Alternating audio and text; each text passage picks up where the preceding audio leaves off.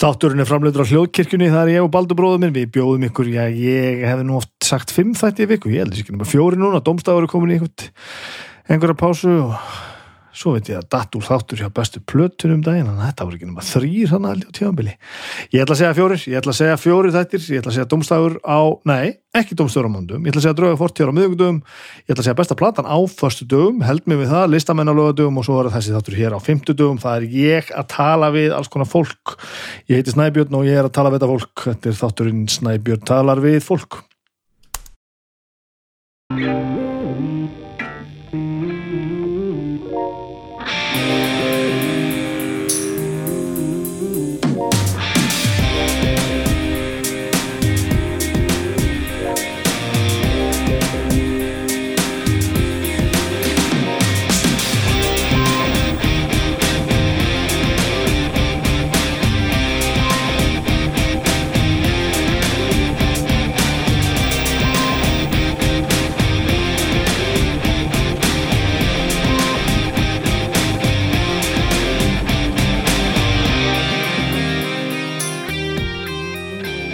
Komið særi velkomin í þáttum í Snæpi talaðu fólki, ég er standandi inn í svefnherbergi því að fólkið mitt er frammi. Já, já. Ég ætla að taka upp þátt í þessari viku og búin að græja og gera og svo koma óveður og þá þurftum við að fresta því og svo brjóna að gera í vinnunni en ég þurfti að fresta því meira og það er alltaf lægi átti þennan þátt inni þannig að við erum ekkert að stressa okkur á því en ég er sem sagt ekki hérna í hefðbundnu set-upi, ég ger þetta yfir þannig, ég tek upp þátt og svo þegar hann er búinn þá tek ég upp svona þessa stupa fyrir og eftir eitthvað og núna bara er þetta bara svona frístandandi ég var að vora að koma heim á vinninu og, og er að fara að spila D&D á eftir. Þannig að ég bara svona ég skrúaði mikrofónin á glukkakistuna og stend hérna bara að horfa út um glukkan þannig að hljóðið er undarlegt hérna. Hvernig er það? Halló? Þá er það bara þá er það nú málið sko. Já, já, já, já. Það er best að ég skaf ekkert af því að ég er alveg hellaður. Ég er eiginlega bara alveg hellaður. Ég hef ekki verið svona hellaður bara með líku við að segja bara frá því já, kannski einhvern tíma þegar ég var að byrja með þátt ég er bara ég er bara skýtþunglitur held ég. Og bara erfitt að vakna og, og erfitt að gera nokkuð skapaðan hlut. Einhvern veginn bara held ég að hafa mist, mist bóltan eitthvað. Og þetta er síðustu dagar eru búin að vera fokkstremnir og eru það ennþá. Ég er búin að drulla mér í vinnuna samt og fengirinn er búin að leti bara að vita hvernig þetta er og allir vita að þetta er svona lent svolítið mikið bara á Agnes held ég. En svo brillir að ég vinnunni, það er mjög fundið þegar ég er komin í vinnuna og opnum tölvuna og með súra bræði í kæftinum og, og, og verkvíðin í botnið, svo bara opnaði ég eitthvað skjál og, og skobla mig í gegnum það sem ég þarf að gera, þannig að það er alltaf afkvöstin einhvern veginn, er alltaf til stiða staðar, ég drulla mér á stað. Þetta er svolítið síðan ég tók þetta viðtal við, Þórtísilói og ég, ég myndi að reyfiða upp því ég var að hlusta hérna byrjununa og svo ég þarna, ég man alveg hvernig mér leið þarna þegar hún var að koma, ég hef átt að spotta það þá var svona, var þetta sannlega læðast aftan að mér þessi, þessi líðan. En ég fatt að ásend og þá er svolítið eins og bara boltinn detti í örðina og þá þarf maður bara að ná í hann aftur. Ég var nú að tala með þetta í vinnun í dag. Gauti samstagsfélagi minn hann, hann, hann, jú, hann hefur greinlega svona aðeins einsýn í þessi mál. Og maður tala um bara tala um svona þessa líðan og hann sagði þetta frábælega hérna þegar, þegar hérna þegar þetta er svo orðið þegar maður er búin að ef maður svona næri að komast fyrir það að detta, detta niður þá, þá er eiginlega ekki leið framhjóði heldur þá verður maður bara að fara í gegn þá, þá verður maður að þá er ekki lengur hægt að fara framhjá þá verður maður að fara í gegn. Og það er svolítið það sem ég er að gera núna. Ég er til dæmis bara reymaða með skóna og labbaði úr vinnunni í hörpu í dag sem er ekki vegalengt en það er vegalengt þegar maður er svona. Þó er ég hraðprófa því að spila D&D kvöld og ég mér langar ekkert að fara að spila D&D ég veit eins og það er að vera gaman og ég veit ég verið betri því ég er búin, búin að gera þannig ég ætla að klára þetta bladur hérna og drulla mér í það. Fara svo og svo og vakna svo í fyrirmáli og fara í vinnuna og sjá hvernig það verður. En það er ekki lókik í þessu. Akkur núna langar mikið að gera neitt aldrei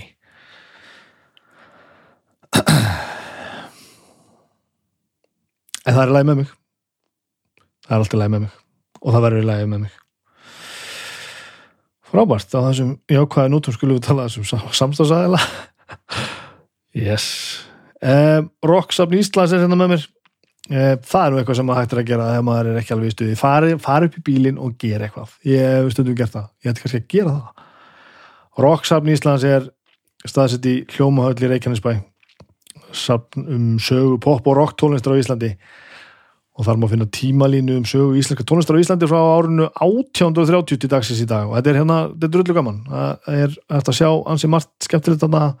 Það er kvikmyndasalur þarna sem sýnir alls konar heimildamindir og stöf um íslenska tónlist og, og, og það er svona fullt af alls konar, alls konar munum.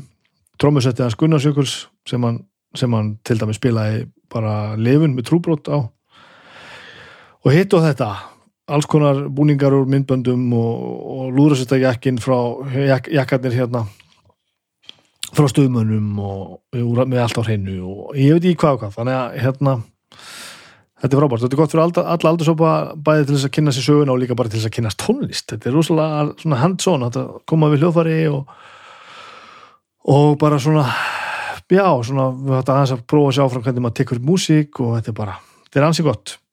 Þannig að roksafnið tekkið á því, það er gott, það er alltaf gott. Um, bónus er þetta með mig líka eh, sem er mjög, mjög ágætt. Það er mjög ágætt, ég sé hérna rétt um mánuðan þessi grónagrautur ég hérna annars konar, þess bónus grónagrautur annars konar grónagrautur sem við kaupum stundum hérna sem ég ætla nú ekki að nefna þetta sérstaklega á hann er allt í lagi, hann fer ekki jafn vel hún í börnum mín eins og grónagrauturinn sem Agnes gerir sem er pínu og segjant ég verði að vikuna, ég hef ekki smakka þennan bónus grónagraut hann er hér rétt um mánuðan eins og 598 krónar pakkin um, og þessi bónusréttir er verið að stafa gössamlega sleið alfarið í gegn. Allar hillur fullar á þessu. Það er eins og hérna það er eins og eitthvað hefur gest hérna. Djöfull finnst þessu fólki ég skrítin er að labba hérna fyrir glukkan með hund og það er einhver maður með headphone á hausnum að tala í mikrofón sem er skrúað við glukkakistuna þetta er alltaf leið ég er aðtunum að slagja á. Æj, æj.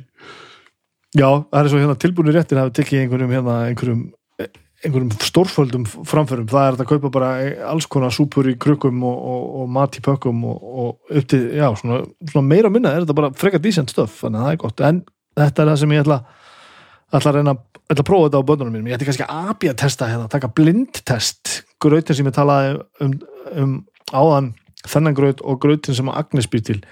Og svo ætla ég kannski að prófa sjálfur að fara að gera gröt, ég, þetta ræði mig sko. Sjá hvað í hverju þau setja þetta bönnin það er gott, ég var að hlusta á hérna á ég var að hlusta á bestu blötuna Ekkoði Bönnimenn og þar kemur fram var baldur að segja að, að, að bónus er búið að selja eða láta allavega út úr búðunum heldur hann að halva miljón af, af fjölnóttabókum frá því að byrjaði. Impressive stuff sko. Impressive stuff. Og svo eins og alltaf ekki gleima því að Simin Pei er hérna með mér. Það við skulum halda áfram að tala um mat.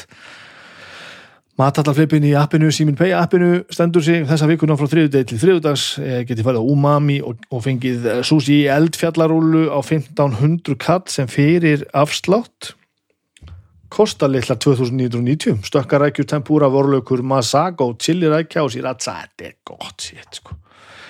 Það getið fengið á 1500 kall eða kaupið þetta í appinu, Simin Pay appinu. Þannig að þetta er nú, er nú, er nú fólki sem er að gera þetta með okkur núna þessa vikuna. Og þráttur í svartnættið sko, svartnættið. Hversu svart á ég, á ég að mála þetta? Hversu illa líður mann í rauninni vinnum minn sagði svona alveg sama hvað öðru líður illa í kringuðin því að líður ekkert skár sjálfum, þetta er svolítið það. Ég veit að mér líður ekki verst af öllum í heiminum en ég er einhvern veginn forðast að gera lítjúr í hvernig mér líður. Að þetta er ekki gott, þetta er, þetta er fokking ömulegt hann vil svo til að ég á tíma hjá Magnús Blöndar sálfræðinga morgun. Hann á nálega eftir að fá þetta í hausin það verður ágætt. Það verður ágætt það er eitthvað til að laka til við, það er alltaf eitthvað svo les við, það er súpebólum á sunnudaginn. Súpebólu sundaginn búið að plana partíið og við ætlum að gera þetta allt saman allt saman í botn.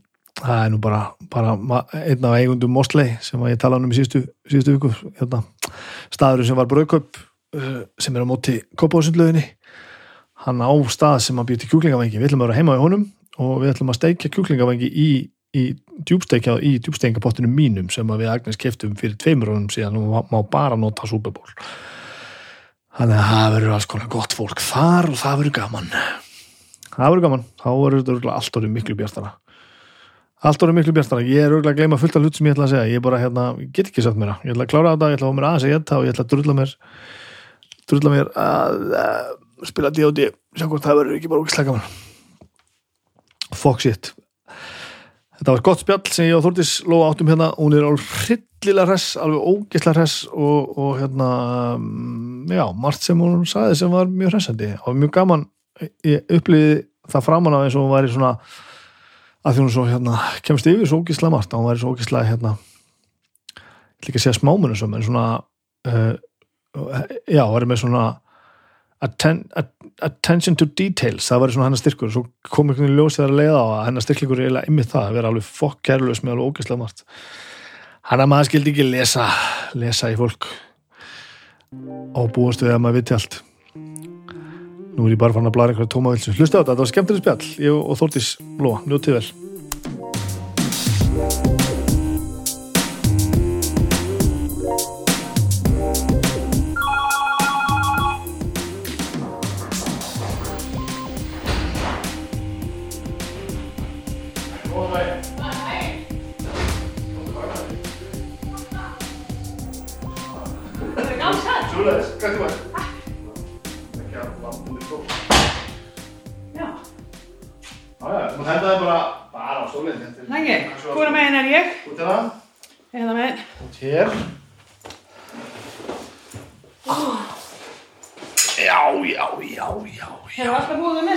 Nei, nei, nei, nei, nei, nei, Ég sko segist alltaf að vera húsvíkingur sko Já, vá, það er flott.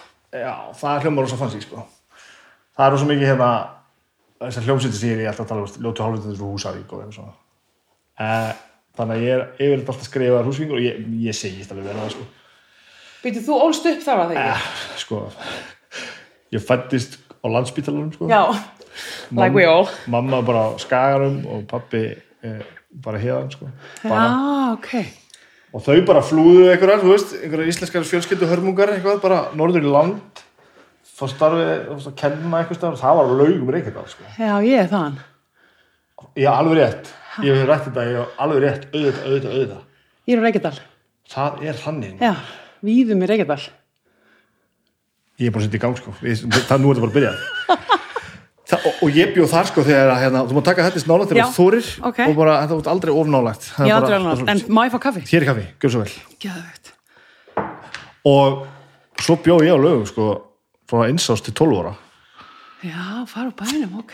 Ég var aldrei í skóla þar, sko. nei, Þannig 90 12 ára gamall, þá flutti ég til Lúsakur og flutti svo það þegar ég var 20 sko þannig ég bjóð húsa ekki 8 ár sko Já, já, já. en þarna eru þú veist unglings, unglingsárin og vinnirnir og allt saman sko. Það er allt stuðið, sko. Það er reykjadals tenging hérna. Já, já, já.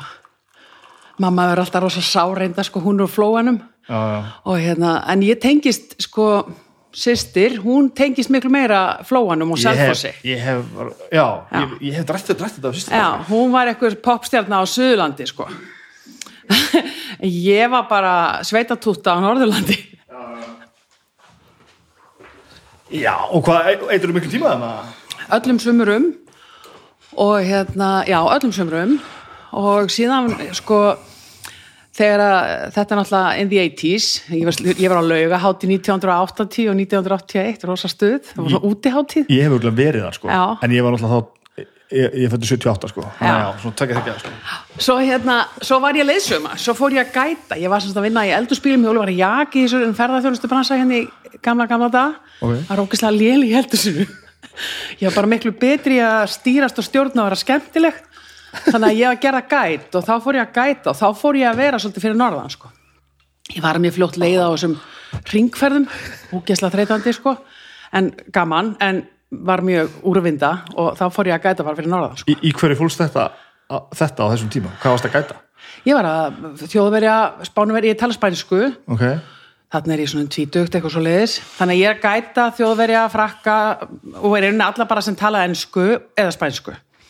Hó- hópa þá bara? Já, já. Já. Þetta voru rútuferðir, þetta var náttúrulega löngu, veist, þetta var svo ólíkur ferðabransi heldur en er núna. Það er það sem ég er að pæla sko, hvað Já. var að gerast, hvað gerist það? bara fólk kefti sér einhverjar eins og við fórum til Spánar í þrjárvíkur og keftum okkur hótel þá komu ferðamenn hinga og keftu sér einhverja ferðir sem hétu þá sko ringvegurinn eða Iceland Northwest eða Iceland Southeast eða eitthvað og, þá var, og þetta voru 7-13 daga ferðir og það voru hérna, ég var, nátt- maður var náttúrulega ungur og skemmtilegur og rosa mikið drikja í þessum ferðum og ég var mjög bæði, bæði gestum og, og, og ykkur. Já, ég þýði ekkert að ljúa neina öðrun eða var svaka drikja, sko. Já.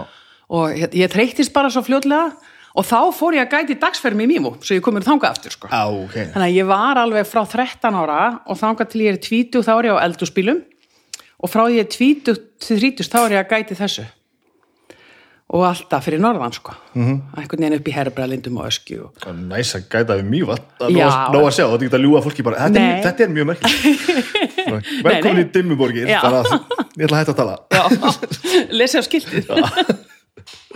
Já maður, ok Já, svona þetta. Uppalinn og breiðaltunni en, en, en, á skútustætt. Hva, hva, Að skustu það ætt Já. nú takast það loft Já, Hæ, Ég er hérna Ég er, ó, ég get bæði reynt að skýla mér bakveða sko, En ég er líka hrættu að tala ok. Bæði er, þú veist, að, að því ég er aðfluttur þá, þá veit ég ekki alveg allt um sko, bæjarpólitíkinu húsæk. Ég veit þetta sirka sko En þetta fyrir að, e- e- fyrir að tala um einhver mál sem tegja sig einhverja ætli eftir tíman sko þá er ég svona bara, já ok, hann er afi hans og afi hans töluðu ekki saman, ég veit ekki neitt sko. Nei, nei, ef þú komum í mývasveit það er svakalegt. ég snerti það ekki með prjóni sko. þar er eins gott að segja segja hlutin ekki rámt á raungum stað Sko, þetta er nú alltaf bestna, já, já, og auðvitað er ég Já, ekki þetta og ég á ógeðslega marga vinni fyrir mývasveit og allir sveitinni sko. Nei, þetta var svakalegt, sko. Var þetta ekki nefnilega svakar? Jú, þetta var svakalegt og ég man eftir, sko, þetta, sko talandu sveitastunarpolitíkina í, hérna, ég man ekki til þessi ár, en allavega bara þegar ég er yngri, að þá eru sko tveir reppar í Mývó. Já. Það var bara söður og norður og ég meina það voru 15 og 20 maður sem sikvarum, nei, nú, veist, skilur kannski aðeins að Já, þetta var rosalega lítið, já. allt og lítið, Já. svo saminast þau þetta er eitthvað 90s ímdegi mér sko og hérna það var allt tjúl af því að þetta samina skólana, það var skólaskútustöðum Mhm. og það var skóli í Reykjahlíð og eðlilega 15 kilometrar á það milli Já. Það er ekki meira sko, Nei, en auðvitað vera að sækja krakka lengst inn í Baldusheim og alveg suður úr. Já, það er það sko. Og hérna ég man eftir alveg harðvítum deilum bara það, og þær stóðu lengi sko. Já, en hérna ég held að enginn vilji fara tilbaki í dag en þetta er þetta hellingskistla veist, Já. það er bara þannig.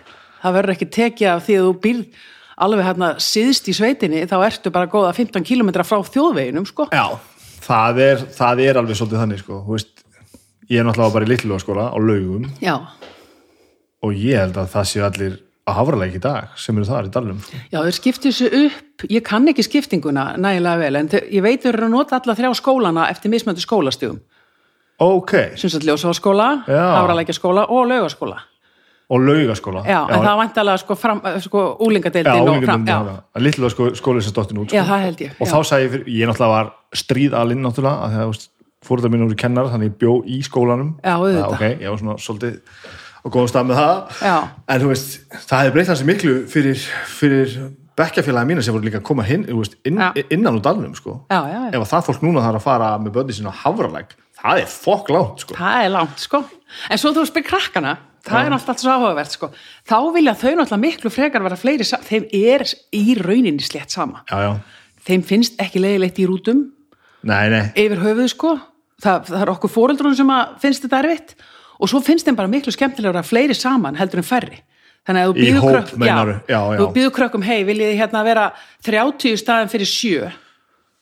Vist, reyndar, reyndar þegar þú setur þetta í orð sko, það, þetta er alveg satt og þetta, þetta var allir leist við vorum sko einmitt þetta, 6 og 7 í bekk og eitthvað svona sko.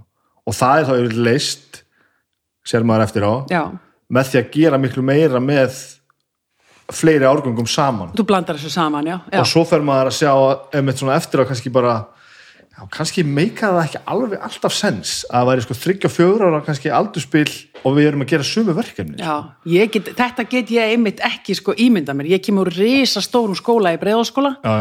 Það sem að var bara á þessum árum, þú veist, og pappi er að byggja þarna, það voru bara hjútsbekkir og ég man ekki hvort það voru fjóri að fimm sko bekkir í mínum árgangi Já, já. þannig að, sko, að mér finnst það eitthvað svo útopíst að krakka sér bara sama frá 6 til 10 ára það, veist, í mínum raunheimi þá myndi það Nei, nei. bara what? Já, þú veist, það var oft bara veist, tíu bekkir sem hefur verið að kenna þarna nýju framan á því að tíu, tíundu bekkurinn sem fyrst á níundi og svo tíundi það kendur með framhaldsskóla tíðinu í laugaskóla en þá voru oft kannski bara verið að kenna í þremur stofum já, og þá var bara verið að kenna öllum. Já, þú veist, bara fyrsti, annar og þriði bekkur saman.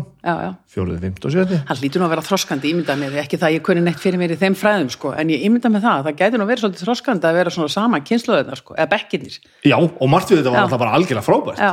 algjörlega, en svona eftir að þykja þá sér maður sumum verkefni sem bara auðvitað, auðvitað þetta það er ekkert eðlilegt að 9 ára barn og 12 ára barn sér að gera þetta saman. Þetta Nei. passar ekki, sko. nei, nei en það var vel um hann hugsað, sko, það er ekki það. já, já, góð sveitin sko, nú er maður bara meðaldra borgarfulltrú í skórækt í þingaðasveit sko. Já, já, já, ég meina það er gætilega líka. Já, mér finnst það bara svo fyndið. Sjálfsmyndin var ekki alveg þar sko, villingur úr breiðaltinu og smá sveita pöngari og svo bara allt henni finnst manni skórækt orðið Já, þú æfintýrlega meinar það, spennandi já, já, já, já, það Já, mér fannst það mjög fyndið en já, já, en það er nú hannig Ég var að taka þetta í ykkur röð? Já, þú ræður. Ég ræð, þetta er þáttur um minn. Já, Hérna, já, tökum þetta bara frá upphæði Mm. Hvað er hérna, þú, þú ert fætt bara inn í borgar Nei, já, ég fætt á Selfossi. Þú fætt á Selfossi þetta já, mamma popstjarnar þar. Það er þannig. Já, og ég vor þar bara í einhverja mánuði held ég sko. Ég er langa elst, þannig að mamma og pappi eru bara rúmlega tvítug og mamma er bara söngkona, ekkert bara, hún er söngkona og pappi uh, afdankaður mjölkurfræðingur, hann, hann droppaði út úr námi, var einhvers staðar í Nóri í, í mjölkurfræði námi. Var mamma þenn að syngja, veist Var, var það jobbið hennar? Já, mamma, byrjaði, sko. já, mamma byrjaði svaka snemma að syngja, og þetta er náttúrulega bara sveitaballa perjódan. Hann þarf að skam, skamma mig hérna fyrir að fá ekki nöfn á fólki þú voru að segja heitir. Já, heyrðu, Hjördis Giss, já að því- Fjóri káti þrestir sátu á þetta allt saman Legend. Já, já og hérna, þannig hún er að syngja þau flytja í bæi með mig og, og við förum bara Hvernig kynnast þau? Sorry að ég grýp fram fyrir já, heyrðu, Af það því er þessi mannlýsing sem þú gafst á fóröldriðinu var svo, var svo þesslega að þau hefði aldrei átt að rata saman upp í rúm. já, hann frá húsæk eða reykjata og, og hún úr flóanum. Sko hann, þau flytjast amma og afi, við flytja frá húsæk frá Rauðatorkinu á Húsavík mm. -hmm. suður á Selfoss þetta er náttúrulega bara á þessum árum er þetta væntalega eitthvað húsnæðiseklur og eitthvað atvinnu þú veist, hérna vandi eða eitthvað, ég gerir ráð fyrir því en pappi er sem sagt ári yngri mamma og hann bara var einn af ungu strákunum sem góndi á hann upp á sviði og Mætti bara á ball. hann mæti á ball og, það, og þau eru 15-16 ára þetta til því og þau, þau eru búin að hún er upp á svið og hann er að svindla sér inn á ballið sko. Og svo segir hann samkvæmt henni rosa stórt hæ ég held þetta sko hafi verið svolítið þannig að þær voru hérna, hún var alltaf og strákvæðin bara þorði ekkert að segja neitt við hana svo kemur bara einhver sperrileggjaður þingaðingur og segir hi, Já. how you doing þetta var eitthvað svolítið Bara veit ekki betur. Gáð maður ekki að helsa þessum skjörnum Þannig að þau kennast einhvern veginn svona Ok. Þetta er nú kannski svona mín útfærsla á þessu Þetta er mín útfalla líka. Já. Við þurfum ekki að breyta þessu. Svo flytjumst við í breiðoltið og hérna, þetta við bara erum frumbyggjar í næra breiðolti mamma og pappi kaupir sér íbúð þar mamma er alla daga að syngja á hóteloftlöðum Þú sé, þið flyttið og þau eru að kynast 15-16. Hvað gerist þannig á milli? Já, þau er búa nú á Selfossi eru alveg undir tvítug sko. ég, fæ, þau, ég fæðist þegar þau eru tvítug Ok. Þannig að þau eru þarna, að mamma fyrir húsmæraskólan og ég meina, þetta er kringum 1960, sko. Ég meina, þetta er náttúrulega æfintilegt. Mamma fyrir húsmæraskóla og þær eru, sko, það, það, bekkja sýstur hennar, ekki spurja mig, sko, hvað það átt að læra þarna, en mamma náttúrulega bara mætt með gítarinn og harmonikuna Já, já, já. Og hérna, og þær trilluðu sko einu sinni í mánuði upp að einhverja trúlofuna hríslu sem var hérna í einhverju gili og sungu lag það því það voru að byggja einhver hrísluna um það að þær myndu hitt einhvern góðan bónda ég er ekki að djóka og ég kann þetta lag, þetta er á harðadrifinu sko. Syngdu þetta? já, það er svona Gott er að vera bóndakona, búa með manni duglegum, álit mitt það er nú svona að sé fullt af skýrdöllum, eyfindu minn með trógin að sína, svo mann ég ekki alveg restina, en þetta er svona, heldur áfram og það er einhver upptalning á skýrdöllum og, og allskins eldúsáhöldum, Og það sem konur gera. það sem þær gerðu á þessum árum. Þetta finnst okkur sískinu alltaf æfintilega að fyndið, hvar er þessi trúlónar í slá laugavatni? En þetta var, svona var lífið hjá þeim. Þetta er það sem, þetta er útgáfan sem ég fæ að heyra. Já. Svo voru þau náttúrulega bara í sleik út, út í öllum hodnum alveg svo við, sko. Já, sjálfs miklu verið en við. Já, þannig að ég ger bara ráð fyrir því að það hafi verið þannig, sko. Já. Þetta er snildalega. Já, já, já. Svo flytjum við í bæinn og það er þau og með mig og ég, við bara flytjum beint í bregðaltið. Ég held ég sé þryggja fjárara þegar ég Veist, bregðaltið. veistu hvað, akkur þú flytta sig?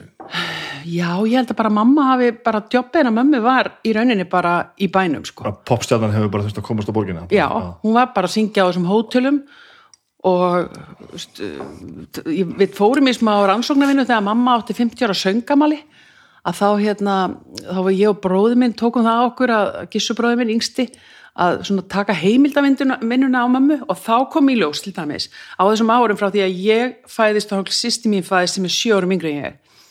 Að þá er mamma að syngja sex kvöld í viku í fjögur ár streitt hugsaði þeir sko upp á sviði með hljónstitt Kalla Lill eða hvað er hér nú þannig að allar þessar hljónstir nýr kjóll á hverju kvöldi nánast eða eitthvað dress. Og var, að þetta var átt af því að alþjóðlega flugið var þannig að það var overnight á Íslandi þannig að það var alltaf að vera dansiball sko. Skemmtun. Og hérna, þetta fannst mér náttúrulega talandi um sko bara vinnu í dag að hún sem bara söng öll kvöld nema eitt kvöld í viku. Veist, það var bara sungið öll kvöld. Og vantalega æft líka. já, já, já, ég var alltaf með á þeim aðeingum það var rosa stuð, ég er alin upp á sviði bara, ég er besti rótari sem til er. Ég var fýtt rótari. Það er ég bara, bara loka mækronum eftir og fer út, þú, þú pakka saman. ég geng bara frá. Nei, þetta ég bara já, þetta, ég var bara alveg fyrir þetta. Mamma alltaf að æfa á loftluðum á daginn og, og, og ég bara leika mér sko. Og innan um allt staffi sko. Það var líka bara, ég, það, var einhver leikskólar. Ég var aldrei á leikskóla, Nei, nei, nei, nei. Þannig að ég var bara með. Og það verið að æfa bara, bara á sviðinu. já, þau voru alltaf inn í salnum. Þau, þau höfðu enga aðra aðstöðu. Þú veist, hérna það, hvað hétu þessi salir sko? Ég bara má það ekki. Gild, nei, það er gildisalurinn og sögur það ekki? Þeir héti eitthvað þessi salir. Já. og hérna, við vorum alltaf inn í þessum sal að æfa. Þú veist, sko, hljómsettin var bara með setupið Bara eins og við vorum að spila á... já, Þú Veist, þetta, það var ekkert annað að gerast í þessum sal meir hluta ásins ímyndaði mér. Já, já. svo voru jólaböllin, ég mann til þeim líka. Þau voru, það voru rosa stuð á þeim. En já, þetta var bara lífið. Magnað þegar að þegar að tala um þessa tíma og þe- þessa tónlistar sköpun og þetta að, því að svo margt sem í samfélaginu sem hefur verið svo ofbáslega óagað og svona oftur að tala um þú veist að sem að starfskæna voru svolítið út um allt og svona, að gera hlutina svona hálf fúska svona hinum þessum hóðnum og gera svona hitt og þetta.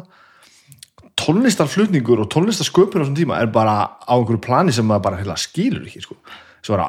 hlusta á gamlar upptökur úr- rúf þar sem einhver svona tækifæris bara mæta og það er einhver, einhverju söngværar og eitthvað band og bara já, formið og talentin og sko standardin já, og þetta voru sko, það var nefnilega eitt sem kom líka í ljós hérna, við heimildavinnuna það var að sko, fólki sem var að spila með mömmu tónlistamennir og konurnar þau voru ekki mentuð því þeir sem voru mentaðir, þeir voru allir klassík á þessum árum. Já, já, já, þannig að þetta voru alveg talentin eins og að segja. Já. þetta var bara, mamma kalla alltaf að hún er að djamma.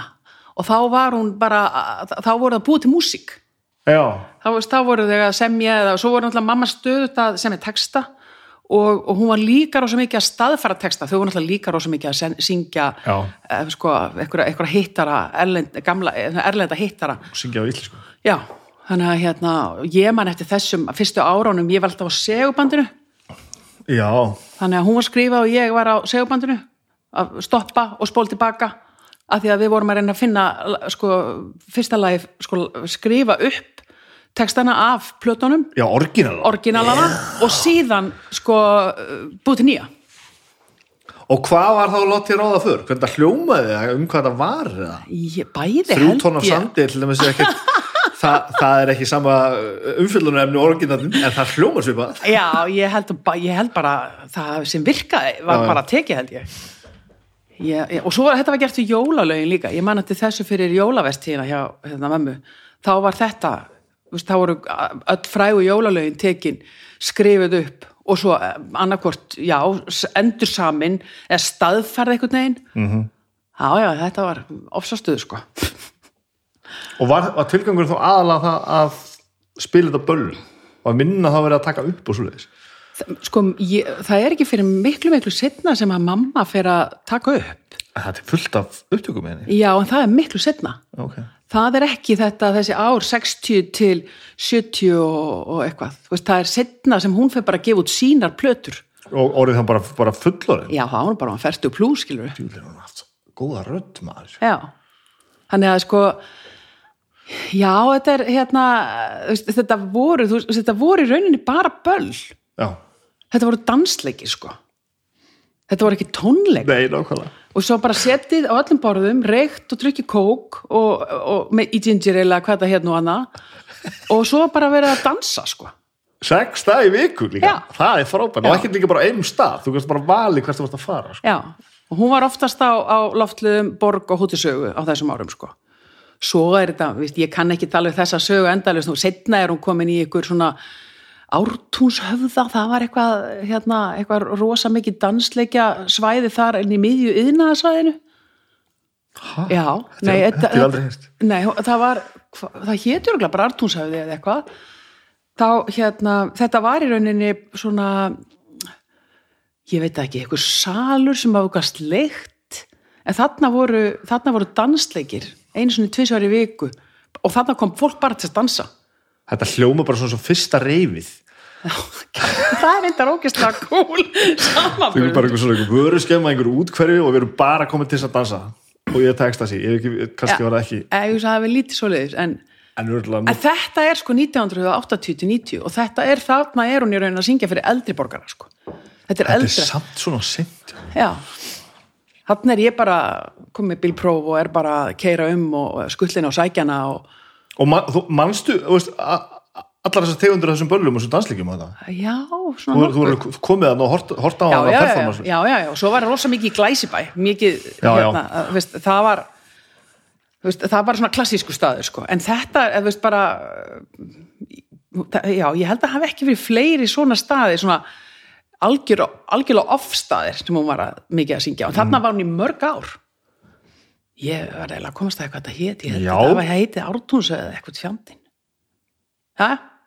Svo held ég bara að það verið fermingavislur þarna þessu á milli Já. og eitthvað svo sko. það er íslenskt. Já, og þetta var svona, þetta myndi mig, þetta hefur alltaf mynd mig á raunhamra í, í, hver, í hérna hafnafyrði, þetta er rauninni bara með sal. Já, og svo eru bara fermingavislur og fymtu sammali eða eitthvað hinn á dagana sko, en þetta var henni mjög rústik ártúnshöðanum sem við erum að breyta núna. Takk þetta því. Já takk fyrir því svo komið nú aðeins Já. Já, en þetta var æskan sko já. og breiðaltið hvað pappi er að gera? Pappi var á þessum árum bílstjóri. Hann er í rauninni allan, allan tíð hefur verið meir og minna tengdu því að vera bílstjóri. Hann var leigubílstjóri, svo var hann rútubílstjóri, svo var hann vörubílstjóri, svo aftur leigubílstjóri og endaði síðan sem svona allt múlíkt mann hjá sparisjóðunum. Var í rauninni, hann var mjög lengi bílstjóri fyrir bankana. Fór í var hann, hann, var, hann var bílstjóri, myndi, ég myndi skilgrina þannig. og þau gott mat sem sagt? Já, voru fínt mat sko, því að þetta er ekkit alveg einfalt á þessum árum. Sko, konur áttu ekki að vera að syngja öll kvöld og allar helgar. Nei, nei. það áttu náttúrulega bara að vera eiga börn sko. Og hérna verandi líka húsmæraskóla gengnar já, akkurat. Þannig að veist, það var ekkit það var aldrei neitt verið að ganga mentavegin þau eru náttúrulega bæði sveita fólk ég meina ef að þannig að ég er ekki komin að einhverju efrist hérna, hérna á Reykjavík sem að mögulega fór í MR en þa- það var ekki þeirra veruleiki sko. Nei, nei, nei. þeirra veruleiki var bara að fara þe þessa leið sko. Þannig að já, þetta þetta eru rætunar sko. Og, og svo náttúrulega eru þau þessi, tí- þessi típísku sko landsbyðar fólk sem kemur til Reykjavíkur og vantar húsnaði og, og breiðalti byggist upp af svona fólki Já, já, já. og setna grafa vorin þannig að þannig að við vorum bara, það var rosa stuð í breiðaltinu sko. Já, það var æfintýralegt sko. Ég búin einmitt tala við svona nokkra sem að, sem að er á, á, á þessum tíma sko. Það er sögurnar frá ykkur sem voru þarna -hmm. eru og kannski hefur bara snjóðað yfir eitthvað ég ætla ekki að ráða í hvað, hvað hérna, skiptum að hvað þið hafið upplifað og hvernig en sögurnar eru miklu jákvæðari heldur, heldur en öll ímynd og allar svona frásagnir á svæðinu. Já, það sko sko vörumerki breiðholt á þessum tíma Já, já, já. skilurðu.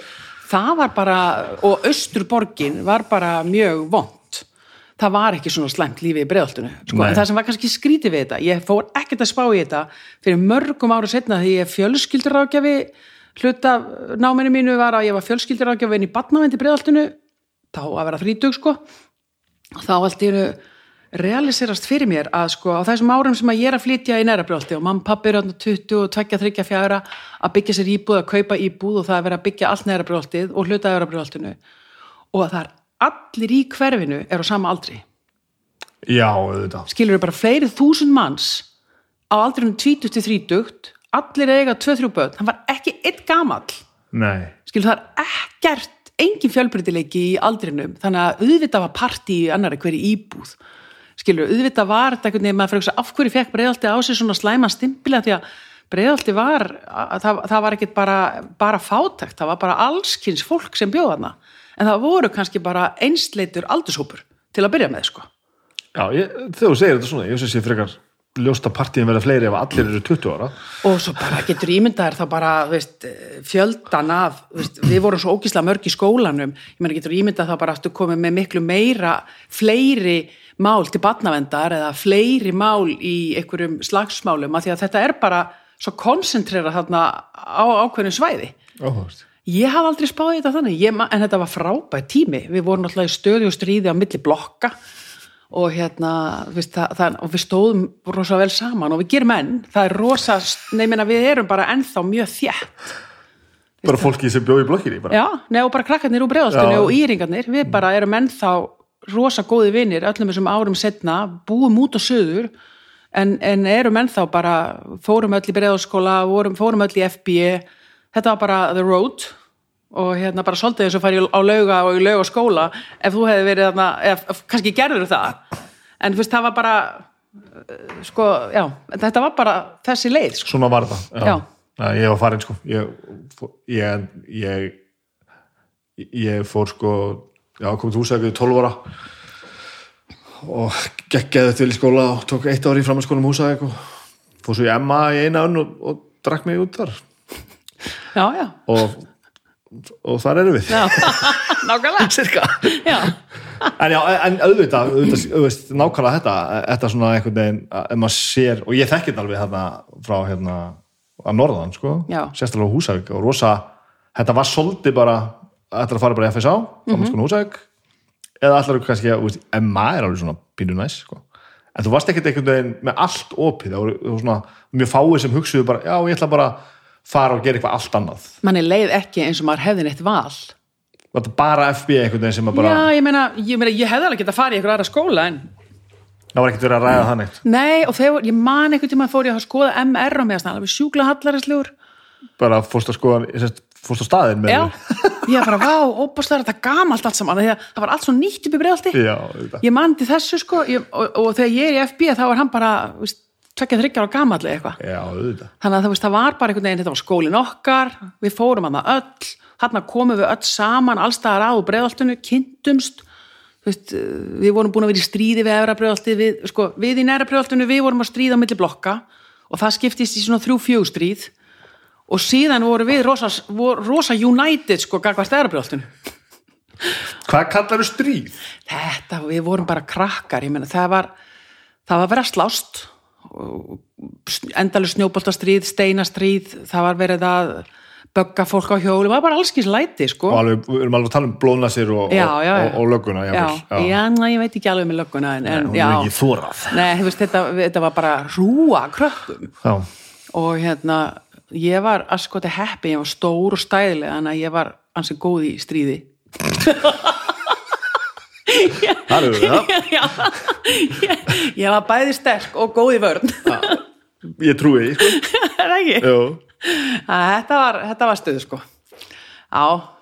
En þú, þú segir þetta sko ég, ég upplifði það aldrei að ég hefði val en hérna en það var rosa samt sko útrá í mér þegar ég, ég fer sem skiptinni mig og, og það var bara eitthvað sem ég bara ég varð bara að komast til burt og ég sótt um sko að fara til Suður-Ameríku. Og það var allir bara eftir crazy? Það er allt ólgandi í stríðum í Suður-Ameríku.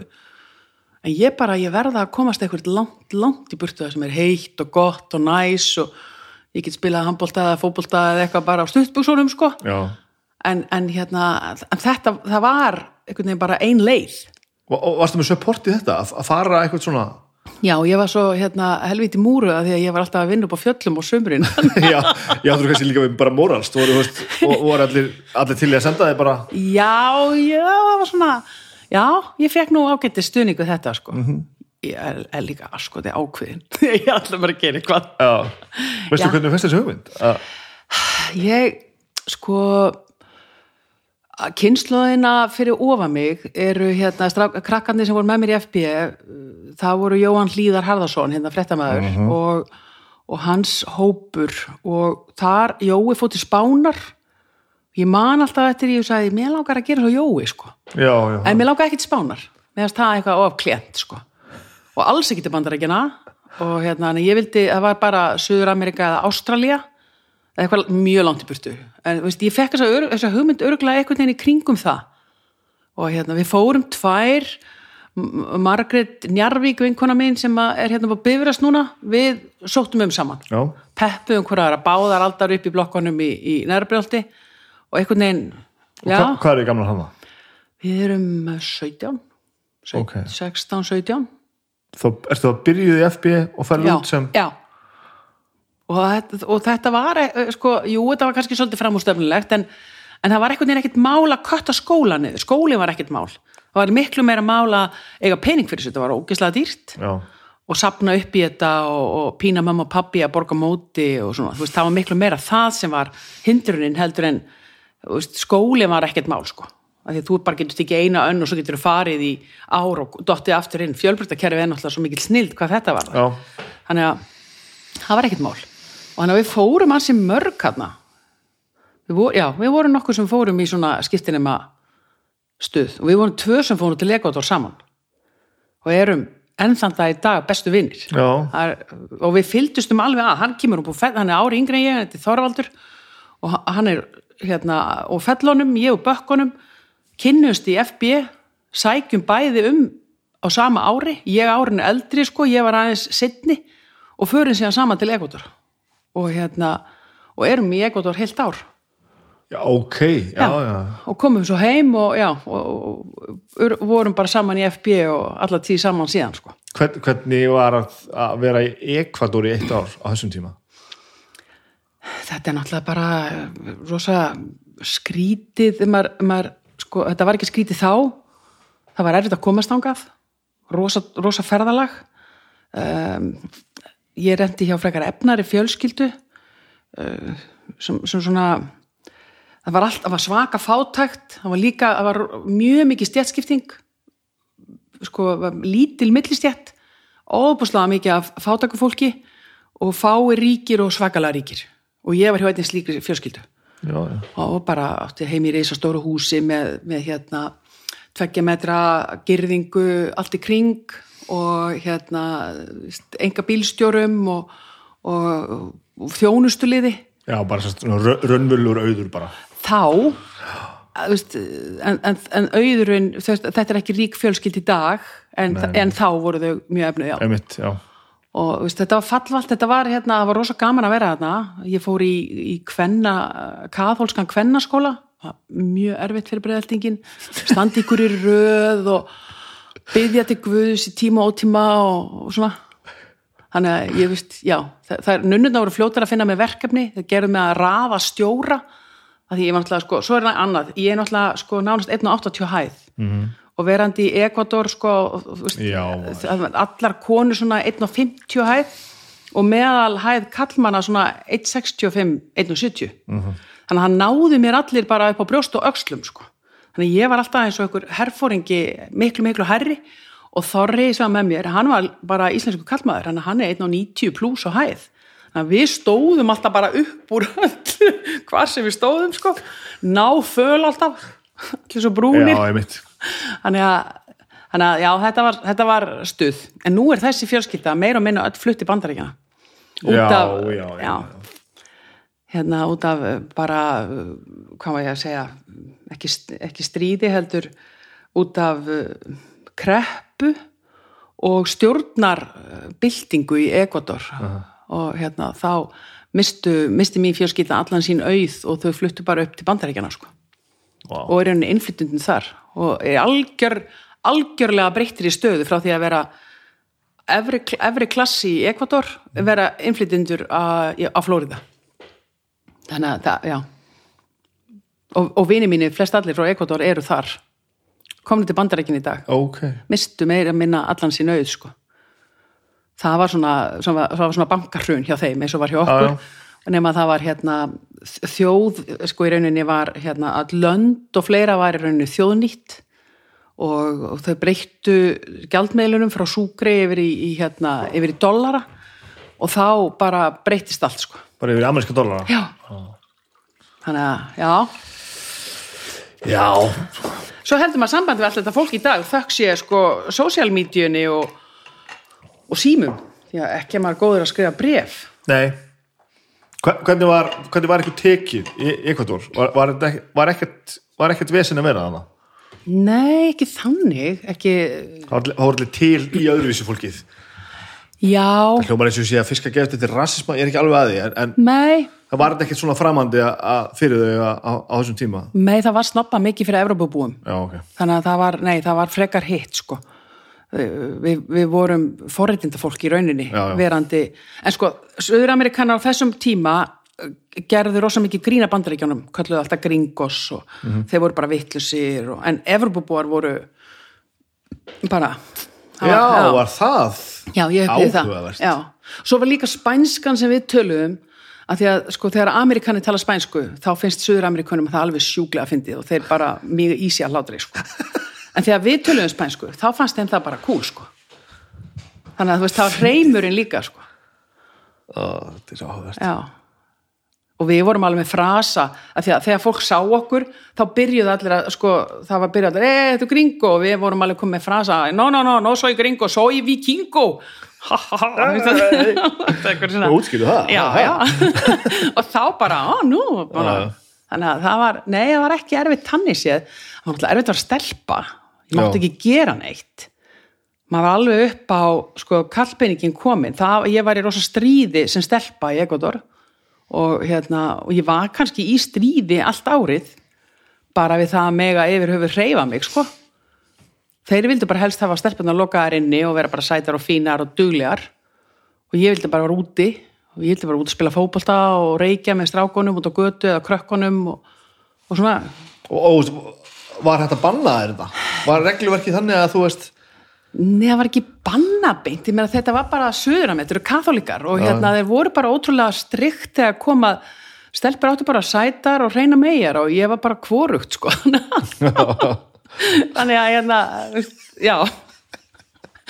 Þannig ég var í, ég, veist, ég var í smá stríði en það stóð, þau voru rosa fljóta að hérna leifa mér. Já, ég var náttúrulega bara svo svakalega hávaksinn og st- og sterklega. Nei, þau var bara, hún er bara, þessi kona, hún er bara eins og blokk, þau, veist, þau, þau áttu til orð, Já, já, eða físjó, það er sem sagt háhísi. Já, Turninni komin já, turninu, það var eiginlega er bara hann er turnin. Þannig að hérna, ég fekk, ég fekk slaka, skulum við segja. -hmm.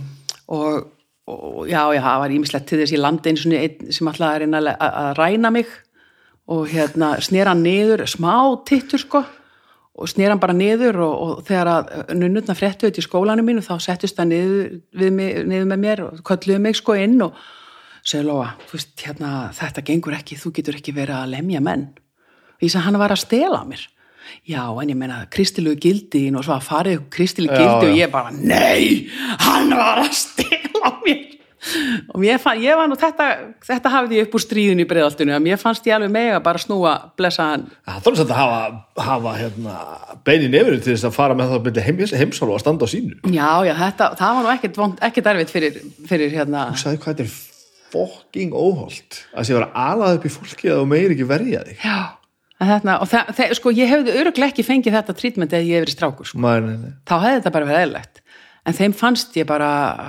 crazy sko en þetta var bara, þetta var sko lítið mál fyrir mig, hafandi verið bæði í stríðinu í breiðoltinu og spilandi handbolta alla mína tíða, þetta var, þetta var bara ég vissi ekki af þessu sko nei. En það var hann 40 kíló og 1,50 hæðið eitthvað Það var hugaðu skratti að leggja í þetta verkefni. já, já, ég held að þetta hafi nú meira verið í bodymininu hjá honum, hann sá bara hérna, hérna hann ætlaði að taka úrreða mér og, og hérna pening í vasanum. Þannig að ég held að hann meira verið í bodymininu hjá honum, hann sá bara úrreða og var ekkert að spói hver væri með það sko. Hvaða turn þetta væri sem að stæði hann Þetta er frábært. var, þetta var gaman Varstu þá að koma með eitthvað, þú veist, á þessum tíma eh, eitthvað planum hvað þú ætlar að gera? Ertu að stefna eitthvað, þú veist, Nei, ég get ekki sagt það sko. Ég, veist, ég er bara einn af þessum krökkur sem ætlaði að vera fósiti veist, nei. Ég, ég get ekki sagt ég hafi verið komið með eitthvað að sína það þarna sko. En alveg svona þessi típisku íslensku, íslensku unglingur, þú bara ert með krökkunum, ert að æfa íþróttunar og bara heldur áfram að gera það sem allir gera. já, bara veist, ég var ekki með nein eitthvað rosa vision ég ætla að vera læknir eða lögfræð, nei, veist, ég var bara ég flaut bara með. Svo bara kem ég heim aftur, fer í fjölbraut aftur og fer bara á miljón í félagslífið. Er bara í rosa stuð þar varaformaður, nefndafélagsins og í ræðuliðinu og, og rífandi kjaft, það er kannski Já, svolítið þú eru byrjað því þannig. Já, kannski það sé bara svolítið þeir sem fylgir sko, er, ég er alltaf, er alltaf að rífa að- Gengst við, það er gott. Já, Hvað kallar að rífa kjaft? bara mótmæla og hérna láta ekki ganga yfir mann og, og ég er mjög sterkar réttlætiskend sko. Og svo líka bara það að vera andi stelpa á þessum árum, það var alltaf verið að að tróða mér inn í eitthvað. Viltu ekki bara vera hjúkna konu eða kennar í loga mín? Ég bara nei, ég hef ekki náttúrulega á því.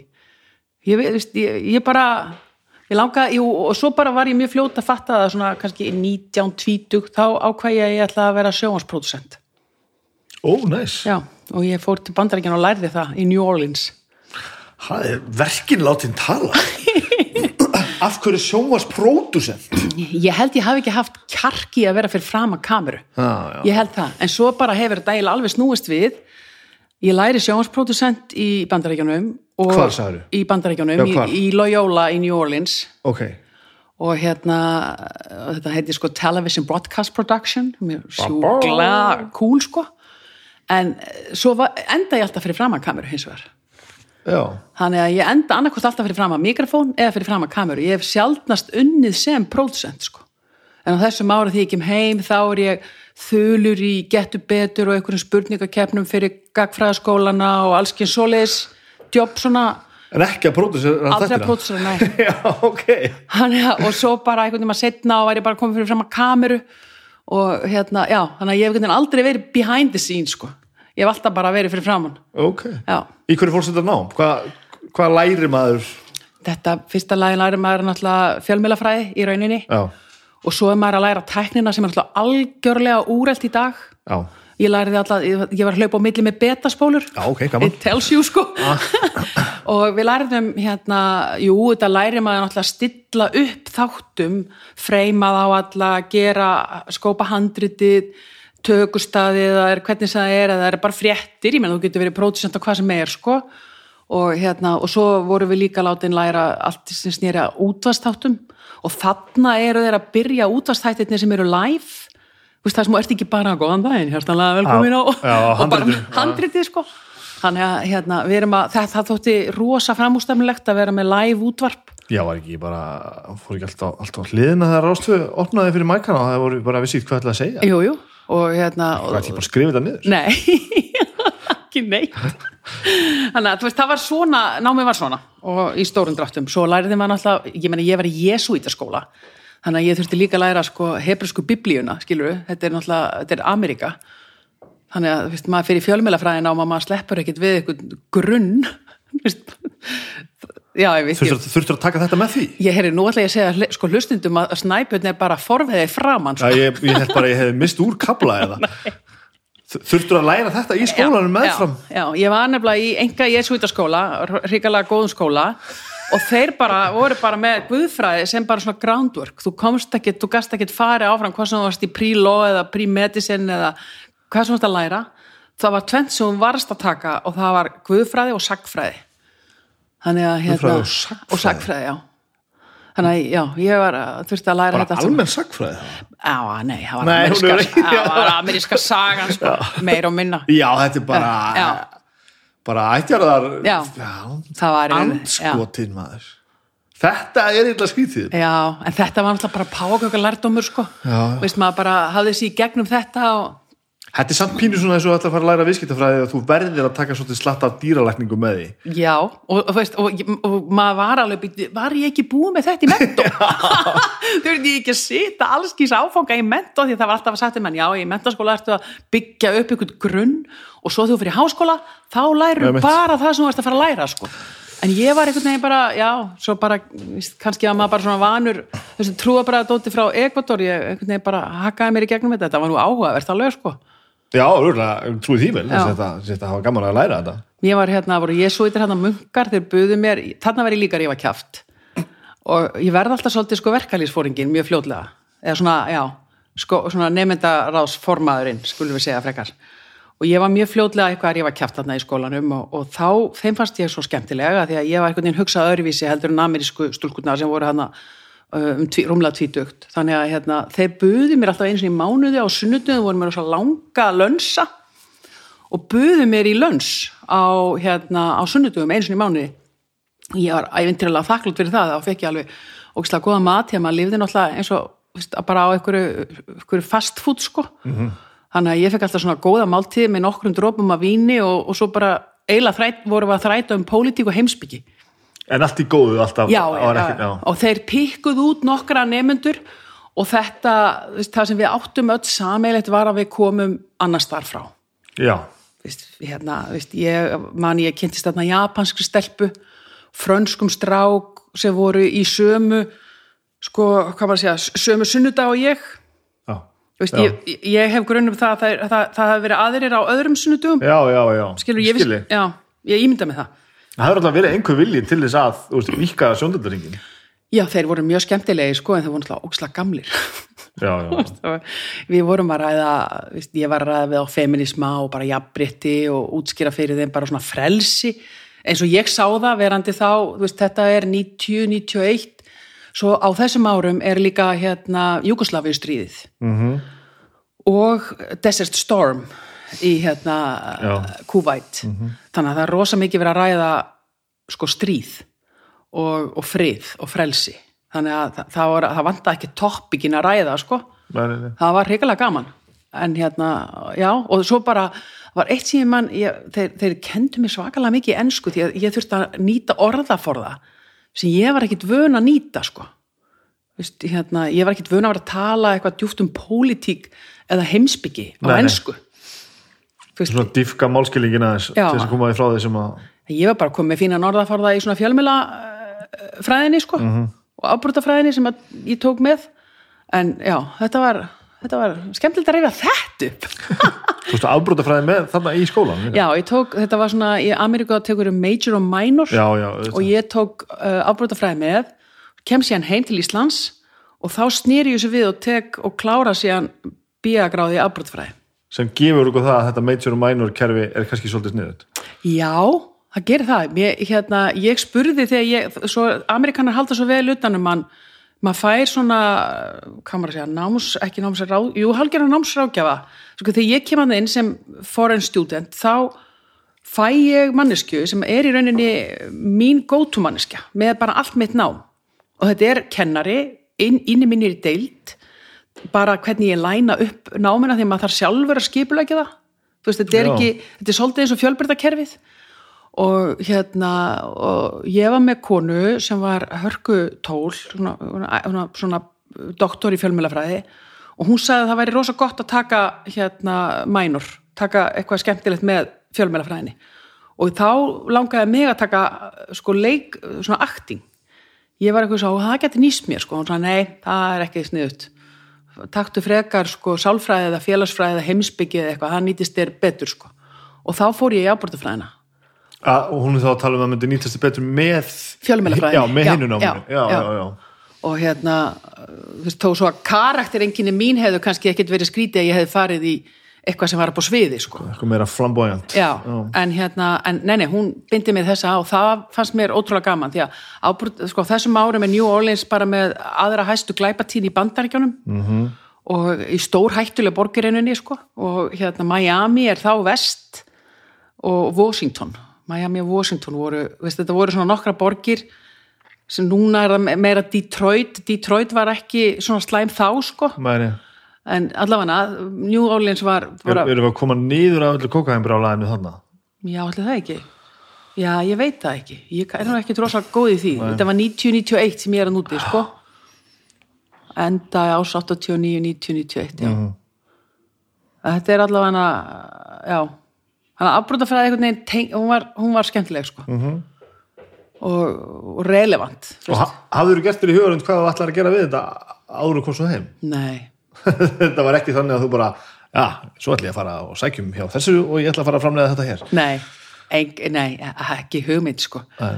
og ég kem heim og fer í hérna, ábrótafræðina og ég hafði allan tíð, alveg frá því að ég kláraði FB þá var ég að vinna hjá ITR eða sem sagt hjá ITR í Reykjavík byrjaði að vinna sem svona úlingja, úlinga rákjafi í fellahelli þannig að ég var alltaf með svona go to jobbið þar á veturnar og svo var ég alltaf leysugum ára sömurinn þannig að þetta var einhvern veginn bara ég var í námi, svo kom ég bara ef ég, að- ef ég kom heim þá fór ég bara að vinna með úlingum -hmm. og ef það var sömur þá fór ég på fjöll.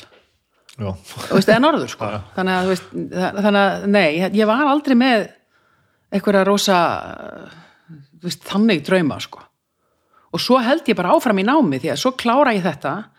Og þá er einhver svona atvinnuleysis periód að byrja og ég fer í major panik, ég er allt í nú komið tvær gráður sem gefa mér ekki neitt. Þannig að þú ert með fjölmjörnfræðinu utan Já, kemur þú svo heim? Tek félagsfræðina sem sagt afbrotafræði í félagsfræði. Í háskólan Já. ok, klára það.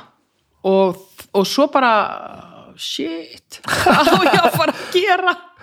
Og þá hérna þá einhvern veginn fatta ég það mér fannst ég allt í hennu ég þurfa mér vantaði eitthvað svona ah, þú veist, eh, þú ert félags og ábyrgdafræðingur, þú getur gert allan fjandan en samt er ekkert svona go to job Mhm. Og, og það var eins með fjölmjölafræðina þarna og, og ég sótti mig upp á rúf og einhvern veginn komst ekkert áfram þar. En alveg til í það líka. Þú ert, ekkert verið búin að skilja það eftir. Nei, nei, nei, ég bara sótti beint um hjá boga, ég ætla bara að færi fréttir. komdu bóðið minn, við skulum segja þeim fréttir? En hérna, komst ekkert áfram með það og reyndi ekkert aftur og fór þá í félagsrákjöf. Og hérna, og kláraði það. Og þá, þá er maður komið með sko starfsgildingu eða hérna, hérna starfsleifi. já, Og þetta byggðist ágætlega upp hvort og annað, svona eins og Lego kubbar sko. Já, já, já. Þannig, að, hérna, þannig að þá er ég um félagsrákjafi og þá voru fullt af jobbum sem voru svona go to job. Og þau tengdust mikið af því sem ég hafði verið að gera með úlingunum og löggunni og badnavend og eitthvað svona, en þetta var allt í, allt í góðu. aha, Og hérna, en ég er heimsins vesti félagsrákjafi sko. vá Þannig að hérna, já, ég var bara aldrei góð í maður og mann sko. Ég var bara, ég var glötuð í því, þannig að ég var bara strax sett í stjórnun og var, hef, var í því mörg ár síðan sko. hvernig glötuð því? Æ, ég bara, þú veist, fólk var að eitthvað, ég átti bara svo erfitt með að, að hérna, hafa ekki skoðanur á því hvernig fólki leið, eða hve- hvernig fólki gekk. já, Já, kannski með und fólk sem var á fjárasástóð og það, hérna, ég sagði bara, fáðu vinnu. Já, ég geti, já, hlusti ekki á þetta, ég ansam, önsum þessum ekki, fáðu bara vinnu. Ég var alveg þarna, sko. já, sem var ekki alveg þinn staðu kannski. Nei, ég var ekki alveg minnstaður þannig að ég hugsa, já Fattaðirðu ok. þetta? Já, já, já, ég var alltaf stjórnsum sko. það var bara, það var ekki hægt sko. ég bara fattaði um leið, ég var eitthvað var einhverja nokkra mánuði í svona fjölskyldurágjöf og, og badnavend og ég var fín í eh, badnavendinni en hérna en ég var alveg glata félagságjafi til þess að vera svona eh, hérna, ég var bara vond. Þannig að ég var fljóta að fara út úr því. En ég hef alla tíð verið mjög tengt því að svo fór ég bara að stýra velferðamálum já, og það var miklu meira my cup of tea sko. Og stýrði velferðamálum í alveg bara mörg mörg ár sko. Í hverju liggur munurinn á þessu? Veist, þú, þú vantar að það veist hvað þú varst að gera vittlust en, en væri ekkert úrslega góði að breyta því á staðnum eða hvað? Já, bara þetta var spurning, myndi ég nenna þessu, ég sá bara ekkert fyrir mér að mér þætti gaman að vera í one-on-one viðtölum eða svona eftirfylgd alla daga. Og, og hérna og sjá kannski, og get ekki stýrt prógressinum, það var kannski það var kannski svolítið það líka. Þú veist bara svona fucking stjórnsum, að þú bara ef þú kannski stjórnaði á staðnum bara ég vil bara, á- ég vil bara, ég vil bara árangur. Já, bara leysa þetta. Ég vil bara leysa þetta, ég vil bara árangur. Og, og svolítið svona, gerum þetta bara. Já, já, og hérna, já, þannig að ég var, nei, ég var bara ekki góð í þessu þannig að ég var, og en ég var góð í að stjórna og góð í að skipleggja og fá fólk með mér í lið og svona, þannig að þá var ég bara fengin í það og var í því mjög lengi, sko. Hvar þá? hjá borginni. Já, hjá borginni. Já, ég var hérna, ég sérst fer úr úlingamálunum yfir í, í, í félagsþjónustuna og byrja sem hátimbra stöðu heiti yfirmaður öldrun þjónustu Reykjavíkur. Vá. Já, það var mjög timbrað. Og ég var yngst og þetta var hrikalega fyndi, ég var rúmlega 30 og það var allir í deildinni minni eldri en ég sko. Það var svakalega gaman og, mjög lærdomsríkt ferli. Síðan tek ég að mér í rauninni að stýra allir þjónustu, velferðarþjónustu. Þannig að þá er ég í rauninni uh, þjónustu megin, það var svona mm pródusjón megin. Já, Það á mjög vel við mig. Og svo bara þegar ég var búin að vera í þessu samtals í ykkur góð 15 ár, þá ákveða nú væri orðið fínt. Ég var bara að verða helst í sérfræðingu landsins í, í gerontológiu sem er öldrunafræði og mér langaði ekki að vera það, þannig að hérna, sjálfsmyndi mín var ekki þar heldur. Þannig að þá ákveða ég að fara í business og fór og lærði, hérna, tók MBA og, og, og kláraði rekstrahagfræði master. Og þá fann ég mig og þá, þú segir sko, þú spyr, vissur alltaf hvert þú ættir að fara, það hefði eitthvað þurft að banka í mig eitthvað tímann, því ég var hérna 18, 19, segja Lóa, væri ekki kannski bara, þú veist, sölu og markasfræði eða, eða, þú veist, lögfræði eða, eða þessi hluti, sko, var, veist, það er kannski þitt. En það var enginn að pæði því, veist, þarna á þessum árum. Og heldur að þú hefur ekkert verið farin að hugsa þess átt Nei, ég bara, nei, ég með bara ótrúlega innbyggða fordóma að viðskiptafræði væri, væri bara bókald og Já, já. endurskoðun og eitthvað svona glatað, sko. Þannig að ég, nei, ég, ég bara sá það ekki sjálf, og, en þarna fann ég mig, sko. Því að þarna fann ég, sko, í mér frumkvöðulinn, þarna fann ég í mér bara uh, svona businessmanneskjuna sem að, veist, ég er fín í rekstri, þarna fann ég í mér svona, uh, svona, hérna, hvað maður að segja, svona business stjórnandan Mhm. og þarna fann ég líka þessa, þessa þörmina fyrir árangur sko, veist, að sjá útkomu. Já, og, og takast á við veist, mér finnst ekki síður gaman að, að hérna, vera í erfileikum að finna út hvernig á að leysa nei, hlutina ég sko. myndi skilja þetta er ekki, það þarf ekki alltaf að vera bara að- klapplið stöðugt sko. það er aldrei þannig anyway í business sko. Þannig, að- þannig að í, í þessu velferðar bröldi sem þú varst í var þá hvatin er orðið meira á ná árangri heldur en svo veist er- ég, ég, er ekki, ég er ekki að spyrja hvort þessi hafi verið skýt saman allt, allt, allt gamla fólki sko. en svona var, var það, það sem farið til að tikka á móðunar fara, fara, fara á fætur og svona sjá árangur að hvernig þessi stjórna Já, og breyta sko, það sem ég þátti skemmtilegast í það að breyta. Í, sko, í öldrunarþjónustu á þessum árum við vorum að breytinni, það var svakalega gaman. Við vorum að breytinni frá því að vera mjög svona sjúkrahúsmiðuð í að vera einstaklismiðuð og heimaþjónustumiðuð. Mm. -hmm. rosalega breytingar sem við stóðum fyrir mér varst það fáránlega skemmtilegt sko. og það tikkaði í öll þessi ár. Þá glíði ég var veginn bara búin með allt. Já, þú veist, ég var búin að vera þarna svo svakalega lengi og þá hugsaði bara, ok, nú er bara komið tími til að fara að gera eitthvað allt annað og þá, einhvern veginn, dettin er á þetta og það sem kom mér á óvart er að sko, ég fer í þetta mastisná meira bara svona æ, það voru tíu ár sem ég hefði útskrifast úr öllu hinu. Er ekki bara komið tími til að fara í eitthvað smá endumendun ég svona leita á þetta meira sem ég væri að fara í eitthvað svona sérnámi stjórnun. En, en bara það blossar upp í mér sko áhugi á business og, og nýsköpun og, frung, og svona bara start-up hérna, or, svona, svona orkan, hún bara einhvern veginn olgaði inn í mér sko. Þannig að mér fannst það svakalega gaman og þá bara hoppaði ég út úr ofnbærageranum og, og við, ég og þá nýji maður minn, kærasti minn sko ég var hann búin að vera einhleip með lítið badn í stuði og, og hérna og kynnist nýjum strák sem ég ætlaði nú aldrei, átti aldrei að vera eigi maður minn sko því ég ætlaði að vera einhleip, hann átti bara að vera elskuji sko, ætlar að vera einhlip ég ætlaði að vera einhleip Þetta er stjórnsamasta konvent sem ég heilt það var bara svo fínt að vera einhleip sko. Það var ógislega mikið frelsi. Það er frábært, Já. það er algjörlega frábært. Má maður ekki segja þetta upp á, mér finnst það frábært. það var eðlilega gaman. Já, þannig að hérna, en svo bara gekk það ekki alveg upp. Þannig að ég var alveg það sjúklega áheldur ekkert að ganga upp. Maður á bara að njóta þessu meðan er. Já. og svo bara er rosa gott þegar það hættir sko líka það hefur allt kost og galla sko. Já, þannig að við fórum í business saman, ég og nýji kærastinn sko. ok, Já, keftum okkur inn í Pizza Hut. Já. Og vorum við því í 15 ár. Í 15 Já, ára tókum við því á, á erfiðum tímum og snerum því við og vorum í rosa turnaround í langan tíma, svo kom hrunið. Það var nú annað turnaround sko. Við kaupum Pizza Hut í Finnlandi og erum, erum í tíu ár í, pi- með Pizza Hut keðuna líka í Finnlandi og svo förum við í, og stopnum við Jókobar í Finnlandi. Og hérna, það fannst mér ævintýralega gaman sko, því að þá fekk ég svona útrás fyrir uh, að búa, búa sjálf til vörumerki frá byrjun sko, já, af því að þú veist, þegar maður er partur á svona reysa stóru vörumerki svo pizza hut að þá hérna, veist, þá það er svakalega lærþánsvist að vera partur af því og ég var mjög lengi í European Marketing Co-op Board sem var svona, hvað var ég að kalla þetta? Sa, svona einhvers konar stjórn yfir markasmálum pizza hut í Evrópu. Og þar var ég mjög lengi í stjórninni og þannig að ég fekk ævintýralega insýn inn í það allt saman. -hmm. en svo einhvern veginn bara þetta skapa að fá að gera sjálfur eitthvað. Og þarna pröfum við þetta í Helsingi. Við stopnum Jókobari sem voru svona hvað ég var að segja, forveri því sem að í dag ég myndi kalla Ísei og þetta sem er hérna heima.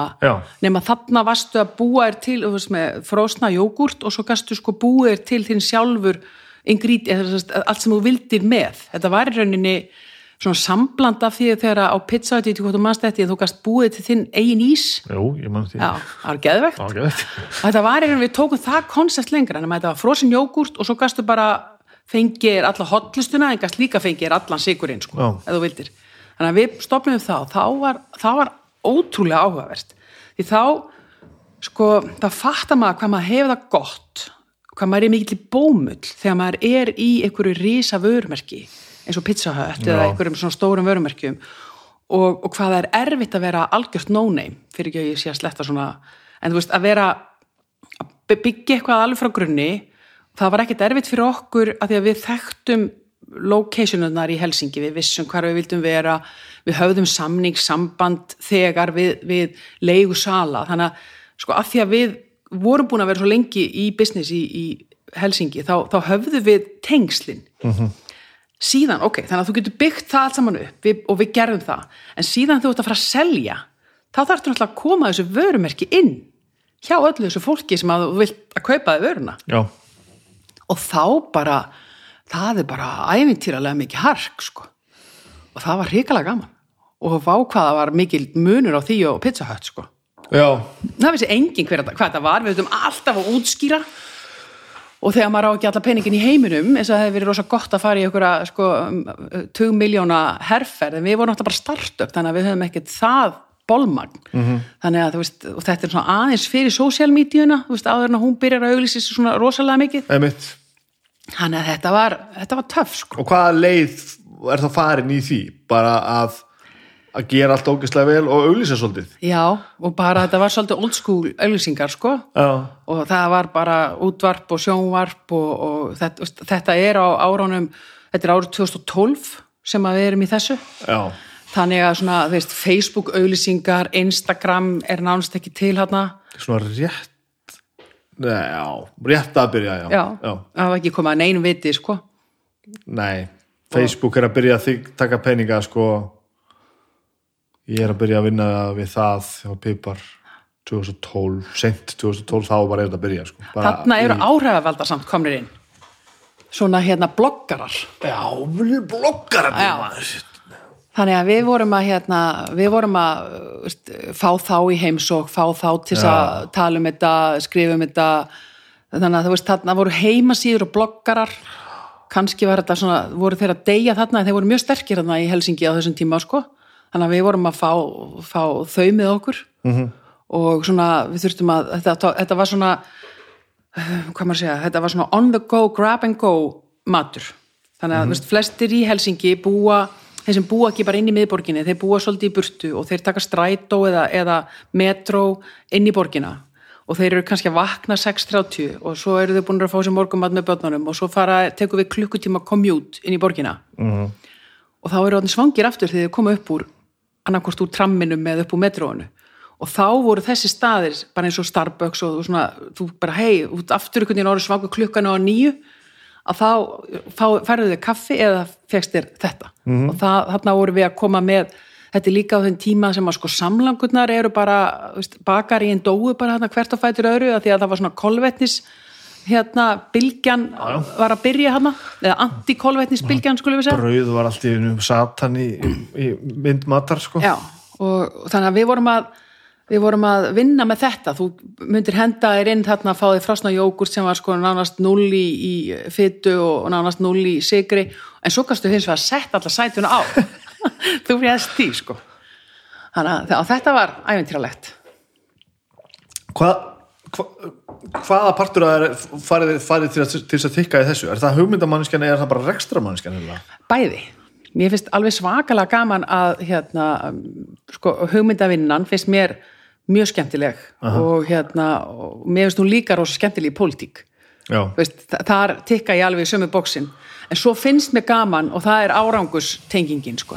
reksturinn alltaf skemmtilegur. -huh. og hérna og svona stilla þessu upp þú veist, þú ert búin að vera í skapandi hlutanum og búin að móta sirka en þá þarftu að fara að, að, finna leiðir til þess að, að, gera þetta að veruleika. Koma skilabónum til skila eða hvað það er og þarna þurfti að það þurfti náttúrulega að, að opna staðina, það þurfti að vinna alla operationina á bakvið það, það þurfti að búa til heimasíðunar eða alla sölukanalana og, og það þurfti að búa til alla byrgjalínurnar og, og þetta er svona púsl sem mér finnst rosa skemmtilegt. En ég meina ef ég ætti að vera veist, myndi, ég myndi ekki þrýfast við að vera í sömu búðinni alla daga. Nei, ég skil ég veist, nei, ég þarf alltaf ég þarf miklu meira stuð en það sko þannig að, já, ég held að skapandi stuð er eiginlega sterkara, held, hugsa ég sko Mér vantar aðeins þetta þessa business hugsun í þetta að því ég fæ endalasta hugmyndum sko. Mm. Er, við, veist, við erum endalast að stofna einhverja hljómsýttir og einhverja einhver hlaðaps eitthvað, Já. hitt og þetta sko og við, svo ég tala um eins og með mig og bróðum minn ægilega duglegir og látum allt gerast og trúum ægilega mikið á það sem við erum að gera en svo oft svona bara svona, staldrar maður annars við og bara hvað erum við að gera við þetta eða? Og þá er eiginlega ekki bara búið að hugsa neitt sko. við bara höfum að gerum eitthvað sem að yfirleitt gengur frekar vel því að við erum bara heldur með frekar skýra sín og bara svona frekar Já. sem við gerum og fylg, fylg, fylgnin okkur og bara frekar almennlegir allir að fá að trúa en það er einmitt svona þegar stundum bara stendi okkur að því bara akkur við aldrei hvað við erum að gera þetta en, en er það ekki alltaf lægi? Því að maður þarf ekkert endilega að hafa alltaf eitthvað enda í sín sko Nei, ég held samt að ég væri stundum til að fá bara aðeins betur borgað sko. Já Já, ég, ég skil það já. og það er náttúrulega það sem að svona vinna, hún er ekkert endilega profitable sko Nei, Nei, hún, ég, hún er það alls ekki sko. nei, nei, og auðvitað er það ekki það sem fær, myndi fá mann til þess að tikka þá var ég alltaf bara að gera eitthvað annað Já. og stundum er ég bara að gera eitthvað annað Já, já, já, en, en það er einhver stíðu stundum finnst mér svona bara ah, það er til ég að vera aðeins einhvern veginn meira svona þengjandi svo að þetta að ég, ég, ég, þetta hlýtur að vera einhvers virðið sem ég er að gera. Og ég hugsa bara ofta ekkert út í það já. Mér finnst sko ég held að sé mjög auðvelt að verða uh, sko að vera með fókusun á omrökkum stöðum. Mér finnst það vera mitt helsta svona áskurinn alla daga, halda Já. fókus.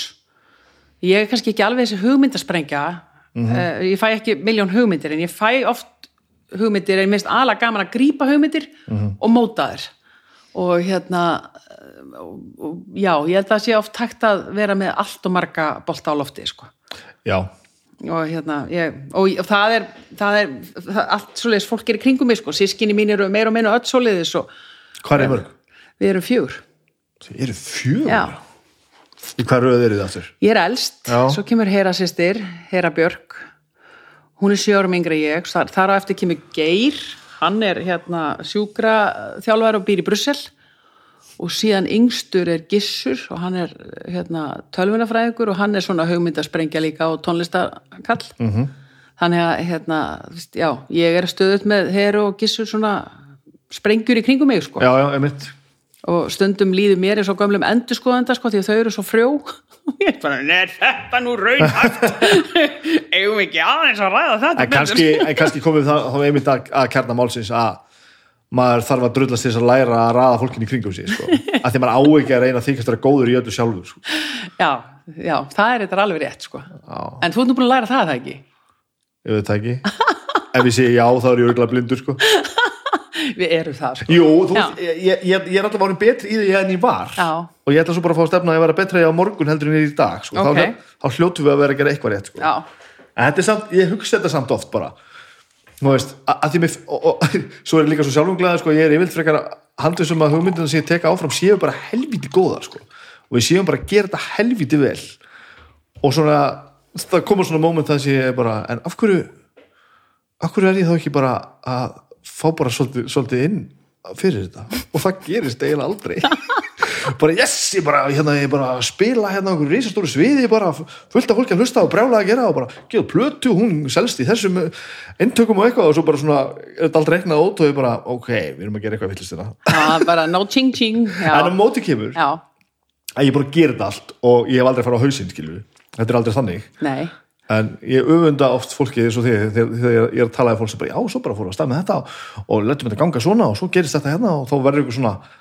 bara hljóma rosa hægri, hægra, hægra megin sko en uh, að þetta sé svona autom, partur af automatíski hugsun, hugsun sko. Já, svo held ég, sko, svo, svo hljómar hlutirnir oft miklu betur þegar maður er búið með þá Já. heldur en þegar þú ert inn í þeim, Já, skilur þú veist, þá ertu oft í bara, á, hvað er ég, veist, hvað er ég, hvað er í gangi hérna, hvernig á ég að klára þetta og maður er alveg, viðþólslaus en svo einhvern veginn þetta er búið, þá bara, Mhm. ah, ok, já, þetta er komið, sko. já, já, já, Þannig að ég, hérna, ég held að, eh, sko, þessi pizza þetta ára okkar, þau, þau eru rosa skemmtilegi í minningabankan, þetta var svakalegt streð og hruni hérna heim, þetta var klikk, sko. Og hérna, og maður bara skilur ekki hvernig maður held sönsum og, og, og fór ekki bara á taugum með eitthvað. En þú veist, svo bara lifum maður sér í gegnum þetta og, og, og svo er þetta bara búið sko. er, það- er að reyka pizza þetta og og, og gó við vorum að, Jókóbarina Jógó, já. við, vor, við seldum þetta allt saman 2015 já, þannig að þetta var, var ekki samhliða í, í einhver tíma. Já, við rákum þetta samlega Jókóbarina og Pizza Hut til 2015 það er þess talið í þrjú ár. Mhm. -hmm. og svo seldum við bæði á Íslandi og í Finnlandi. Og þá kemur svona moment, jæja hvað á ég nú að gera? Það Já, og, og það er bara, hreinlega bara þannig að það er bara allt selt og maður sest bara í sófæn sinu og bara já, já, já, við áttum alveg svona moment, við vorum alltaf rosa uppgefin þannig að við byrjum á því að taka okkur gott frí fara alltaf bara norður í land og veiða og... þetta eru þið tvö? Já, ég Ok. og nýji kærastinn sem er búin að vera eiginmaður í 20 ár. En hérna þetta er að hugsa máli, þetta er svona hljómar þannig bara, já, ég held bara Nei, held nei. læg þetta er spurning um að halda honum á tánum Nei, þannig að þá einhvern veginn já, þá, þú veist, maður þarf aðeins að ná áttum, sko, ég þarf líka alltaf svolítið að hafa sín, ég er einhvern veginn ég hérna, þessi vision þarf alltaf einhvern veginn, hvað er ég að fara að gera? Svo tókum við töflufund þetta var nú, hérna það var frekar fyndið því að þegar maður er náttúrulega búin að sko, maður er búin að selja maður er einhvern veginn komin út úr uh, því öllu, búin að ganga frá öllu það er oft svona frágangur þegar þú ert að selja svona fyrirtæki og það var búin að því öllu. Förum bara norður í land og erum bara að snuttast í Reykjadalinu um allt sumarið og bara askoti gott. Svo kemur hösti og þá bara ok hvað á maður að fara að gera? Og þá kom svolítið í ljós að við hjónin erum ólík sko, hann er fjármálafræðingur og hann er sko svíþjóðamestar í Excel. Hvað þér um það? það er bara, það er eitthvað sem ég skil ekki sko. Nei, ok. þannig að hérna, hann, hann vildi bara fara, hann, sko, við tókum töflufundu heima bara og hann sá það eftir það að hann vildi bara fara í ráðgjöf en ég þarf fólk. Já, þannig að ég get ekki bara, ég get ekki sittið bara ein og fengi hugmyndir eða framkvæmt, ég bara, þá bara þrýfst ég ekki.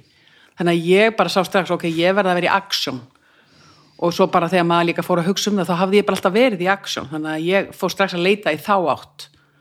Og þá fór ég að taka mér allskynsverkefni og fjárfestingar og svo stofnum við stelpunar fjárfestingafélag og já, já, býðum við eftir að verða eitthvað rosa ríkar á því en það kemur fjárfestingafélag Já, sko. já. það er þau komin á einhvern stað það sem ég er alltaf bara svona, já, ég veit eiginlega hvað er sko. eiginlega, já Já. En þá fór ég inn í bransan, sko, þá fór ég inn í ferðarþjónustun aftur. Þannig að ég var eiginlega komið ring og var, hérna, stýrði greilæn og, og, það, og svo bara endaði ég í pólitík, sem ég er í Já. dag, sko. já, þú stýrðir greilan Já. já, já, já. Heldi mér í greilan aftur ég var náttúrulega í þessum rútubansara hann í gamla gamla daga -hmm. og var síðan fengið til að, að stýra greilæn og, og hérna þá var ferðarþjónustun að byrja í þessum svona saminningarfasa og þannig að það var svona verkefni var svolítið að hvað væri, hvaða tækifæri lægu þar. Þannig að ég var hjá greilæn þangað til að greilæn ákvað að saminast Æsland Travel og þá fer ég út. Já, en það gekk síðan ekkit eftir sko en það var, það var ongoing þá sko Útskýrju aðeins fyrir mér hérna eins og, eins og með þetta pizzahöftmál og allt saman bæðið með eitthvað, þú veist, stórt brand sem þú er búin að vinna mikið í og þykja væntum og allt saman og svo líka með þitt eigið og svona eitthvað Mhm. af hverju, og, og hvernig líka bara hvernig ákveða maður bara að hætta þessu ég ætla bara að selja Sko við hefðum, við hefðum selt miklu fyrr ef að hrunið hefði ekki komið. Við ætluðum aldrei að vera svona lengi í Pizza Hut. Já, Sko við, við förum í Pizza í svona æfintýramennsku 2003 minni mig. Og sko þá er það í rekstrar erfileikum hérna heima. Og það þarf bara, eða veist, kannski ekki endilega í rekstrar erfileikum, það er aðalega í svona struktúral vanda. Og þannig að við förum inn í það og þarna kemur sko svo vel eiga mann sem er fjármálafræðingur þannig að við vorum rosa fljóta reikningu niður á hvað væri gott og hvað væri ekki eins gott. Þannig að við breytt og, þá, og ég góð í að breyta og breytta bermar og gera. Og þannig að við, við fórum í því að breyta pizza Hut. En við ætluðum aldrei að vera svona lengi þar inni. Við sem við kannski snúmum þessu við og eigum þetta í nokkur ár og svo bara seljum við og finnum okkur eitthvað annað og vorum bara svona meira að dagdrömmast um það, ekki það að það hafi endilega verið eitthvað raunverulegt að maður geti bara hei, kaupum fyrirtæki og eigum það í fjögur ár og seljum það síðan. Já, Veist, það, hérna, ég veit ekki alveg hversu raunhæfi vorum en svo bara kemur hrunið og þá límis maður alltaf inni. Já, Veist, og maður er limdur inni í, og, svo, og það kemur sko hrun á Íslandi það kemur sko kreppa í Finnlandi. Og við vorum, þetta var alveg sikkort fyrirtækið sik, fjármagnað á hátt þannig að þau voru, ekki, þau voru þannig ekki sko sama æðakerfið -hmm.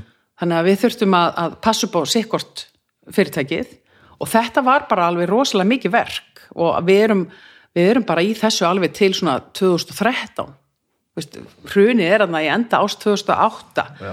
og öll þessi ár er maður einhvern veginn að að græja og gera og bjarga því sem bjarga varð eftir hrunið sko. já, og, og svo er það þannig að 2015 sem við náum að, að selja sko, og koma okkur út úr þessu. Og segi náuð að selja þannig að það er einhvern veginn bara svolítið er einhvern ég að segja að bera þetta saman hvernig ég hugsa þetta svona, svona sem ég var að tala um áðan sko. allt sem ég geri verður bara einhverjum börnunum mínum þú veist já, mér líður einhvern veginn eins og ég sé aldrei að fara að selja neitt sem ég geri. Þú veist, ég enda alltaf bara á því að eiga fullt og bara vera miljón hljómsettum og, og, og vera bara að stopna einhvern svona mini-business hinga og þanga og þú veist. Ég get alveg skilið það þegar þetta er um hans eigin hugmyndi frá upphafi. já, já, en pizza Hut er náttúrulega bara, bara risabrand. Mhm. þannig að þú veist, það er einhvern veginn var aldrei svona þessi tilfinning að þetta sé badnimanns, en ég skil alveg hvað hún meinar því að maður hugsar ég var eiginlega ég hefði sko ég, sagði, ég hefði frekar vilja halda áfram með jókubar til þess að fá að þróa það konsept áfram. Það var meira verk að vinna þar uh, nýtt fyrir mér, af því að ég hafði í rauninni gert allt sem ég, uh, mér langaði að gera á pizza eftir árunum og lærði allt sem mér langaði að læra veist, í þeirri umgjörð. En ég, mér fannst eiginlega erfið að segja nei, við- að segja bless við jókubar Já, þó svo að það hefði ekki sko, það var ekki brota brot það var, það var ekkit það var ekki til að selja skilur, þetta var bara startup og þetta var ekki veist, þetta var ekki neitt neitt en það var bara svo ævintýralega gaman að fá að búa þetta til alveg frá byrjun. Sjóða þessa hugmynd saman úr fullt af hugmyndum og hérna sem að maður búin að vera að sjá út um allan heim. Og, og staðsetjana síðan í Helsingi og aðlagana finnum og, og, og, og byggja upp vörumerkið og, og, og svona pæla þetta allt saman í gegn. Þannig að, að, veist, en Jóko bara var bara ekki nógu stort fyrir okkur til að halda okkur þannig að við gætum bara átt það. Skil ég Veist, en, en þarna var ég alveg með oh, þetta er okkar Já. litla. Og við vorum alveg ertu veist, við langaði helst að segja sko við þann sem að kefti lofar að fara vel með já, já, en ég meina já, já, menn leiði alveg þannig sko. Já. þannig að ég get alveg skilið það. En, en hérna já, ég hérna svo, svo er þetta náttúrulega, svo eru sko verkefni sem að maður er í, þau eru fæst þannig að það sé eitthvað rosa peningur í því og þú getur bara selta og orðið ógislega ríkur sko. þú veist, það er bara það, það er bara tekur ógislega langan tíma og, og svo er bara ertu heppin sko Mhm.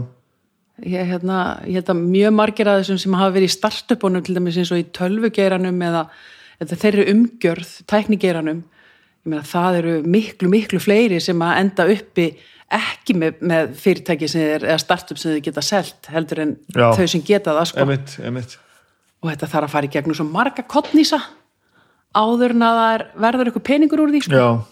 þannig að það er, það er ótrúlega mikla kempur sem ná því sko. Og eiga bara peningin alveg skilið. Skilur við já ég, ég, ég held að á endanum sé þetta ágætt sko eins og við hugsaum þetta sko að við setjum held ég alltaf fremst í öllu sem við gerum alltaf að sé bara nógu djúl gaman sko já, og það, þú gerir heldur ekkert ef það er ekki gaman sko Nei, og maður læri það þeim mitt sko. það er, maður er ekki að fara að, að reyfa við neinu til lengri tíma ef þetta er ekki gaman Nei, það er bara þannig sko Já, þetta er áhugavert Þetta er mjög áhugavert sko. Bygguðu eitthvað út í Finnlandi? eða? Sko við vorum á báðum stöðum. Við bara pendluðum á milli. Ok, við erum alltaf íslensk samsett fjölskylda þannig að við erum með sikkvort sett af fóröldrum til hliða við okkur. Já, hann kom inn með líka. Já, þannig að við hérna Hvað er þið mörg? við erum með þrjú börn sem eru alltaf ríkfullorinn í dag en þau voru krakka lingar þá. Þannig að við vorum Og þú sem sett með eitt barn og hann með tvö barn Já. og þið er ekki barn saman? Nei, ah, Þetta er kærastinn, ég er að sjá þetta núna. Já. ah, nei við, og við, þetta eru bara börnin okkar sko, þau voru 6 og 9 þegar við kynnumst. -hmm. og hérna við skipulegjum einhvern veginn allt okkar bara út frá þessu, þessu unity. Og við vorum viku til tíu daga í mánuði í Helsingi Öll saman? nei, allt bara við Pétur. Já, já, já. Og þá voru krakkarnir á hinu fóröldur sínu Já, þannig að þau voru, við vorum að sér vel mönnuð sko. aha. Þetta var gott kombo sko. Magnað og, þetta, og svo þetta komu krakkarnir oft með okkur sko. En, en svona setupið var svona. Við ætluðum og það, þarna er svo fyndi sko, þegar maður er að gera eitthvað í viðskipta áallun í Excel þá bara já, bara ef að sko Lóa fer einu sinni annarkvæmt mánuð og Pétur fer hinn mánuðin, það var setupið fyrst hjá okkur þegar við vorum að byggja upp viðskipta áallunina svo bara það var svo ógstlega leðilegt já. Það var Það má ekki vera leðilegt og ég menna að hafa glata að vera alein í Finnlandi, Pétur heima og ég í mínu verk, svo er náttúrulega við með verkaskiptingu í, í fyrirtækinu. Þannig að veist, ég var að gera samninga við allskins hérna, fjölmilafyrirtæki og landlorda eða leigusala og fleira, en Pétur var kannski með sko, hérna, mikla samninga við byrgja sem ég var ekkit inn í. Nei. Og hann var ekkit inn í mínum samskiptum og netverkinu sem ég var búin að búa mig til og netverki sem hann var búin að búa sér til. Þannig að, og það var glatað að vera bara einn og honum fannst það líka leðilegt. Þannig að við bara breyttum um kúrs held ég eftir svona hálft ár. Vist, þetta, við heldum þetta ekki lengur út. bara strax, sko. Já, Já. og bara ok, nei, við förum bara alltaf tvö og hérna við bara skiplegjum okkur þannig að þá er þetta bara vika til tíu dagar og við vinnum bara og vinnum og svo komum við heim. Og við reyndum yfirlt alltaf að koma heim um helgar. Mm. Veist, ef að, hérna, ég var líka mjög mikið nýr í Evrópu á allskinsfundum sem snýru þá að marketing og, og, og þjálfun líka Fyrir pizza hut? Já, og hérna ég fór djúft inn í svona stjórnendaþjálfun í Pizza Hut líka, bara í Evrópu. Og þannig að veist, ég bara reyndi alltaf að vera heima um helgar. Það var einhvern veginn hundlegilegt að vera einn út í Evrópu eða Finnlandi um helgar. Vist, og því að því að maður hefur ekki þá, þá, þá, þá vill maður vera heima sko. það Já, var svolítið það. Þannig að- Hvernig fíluðu finnana? bara rosa vel sko hérna við heldum að, að eh, sko Pétur tala sænsku og við heldum við gætum meira nýtt sænskuna en þetta var alltaf einsku finnaðir í Helsingi vildi ekki sko sjá það er það. ekki góðum stað í Helsingi með það nei, nei, nei, vildi ekki sjá það að tala við okkur neitt annað en ensku, það var bara fínt.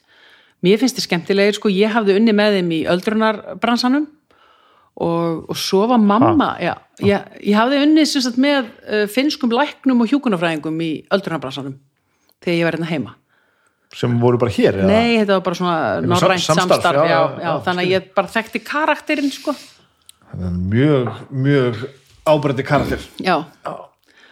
Og mér fannst svaka gaman að vinna með sko, því að hérna, einhvern veginn samtalan af Íslending og finna er bara skemmtileg sprengja. finnar eru og þetta er náttúrulega hættur þetta að alhafa eitthvað sko þetta er bara upp á fólki mitt sko. við túrum mikið með finnum. Mikið af svona finnskum þungar, þungarhljóstum ég er búin að eða svo mörgum, mörgum, mörgum dögum og nóttum í rútu með, með, með finnskum hljómsveitum. Já. og það er eiginlega alltaf alveg briljant já, þetta er alveg solid lið finnst mér sko.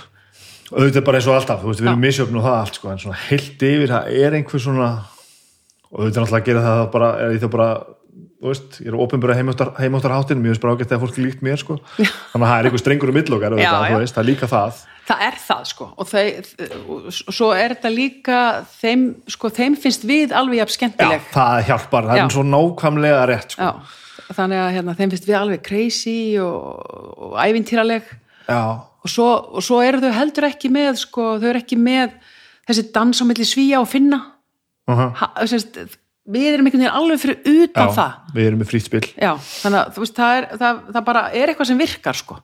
Það var rosa áhugavert að vera í, í Finnlandi í kreppunni, 2008 kreppunni, evru kreppunni skulum við segja, mm.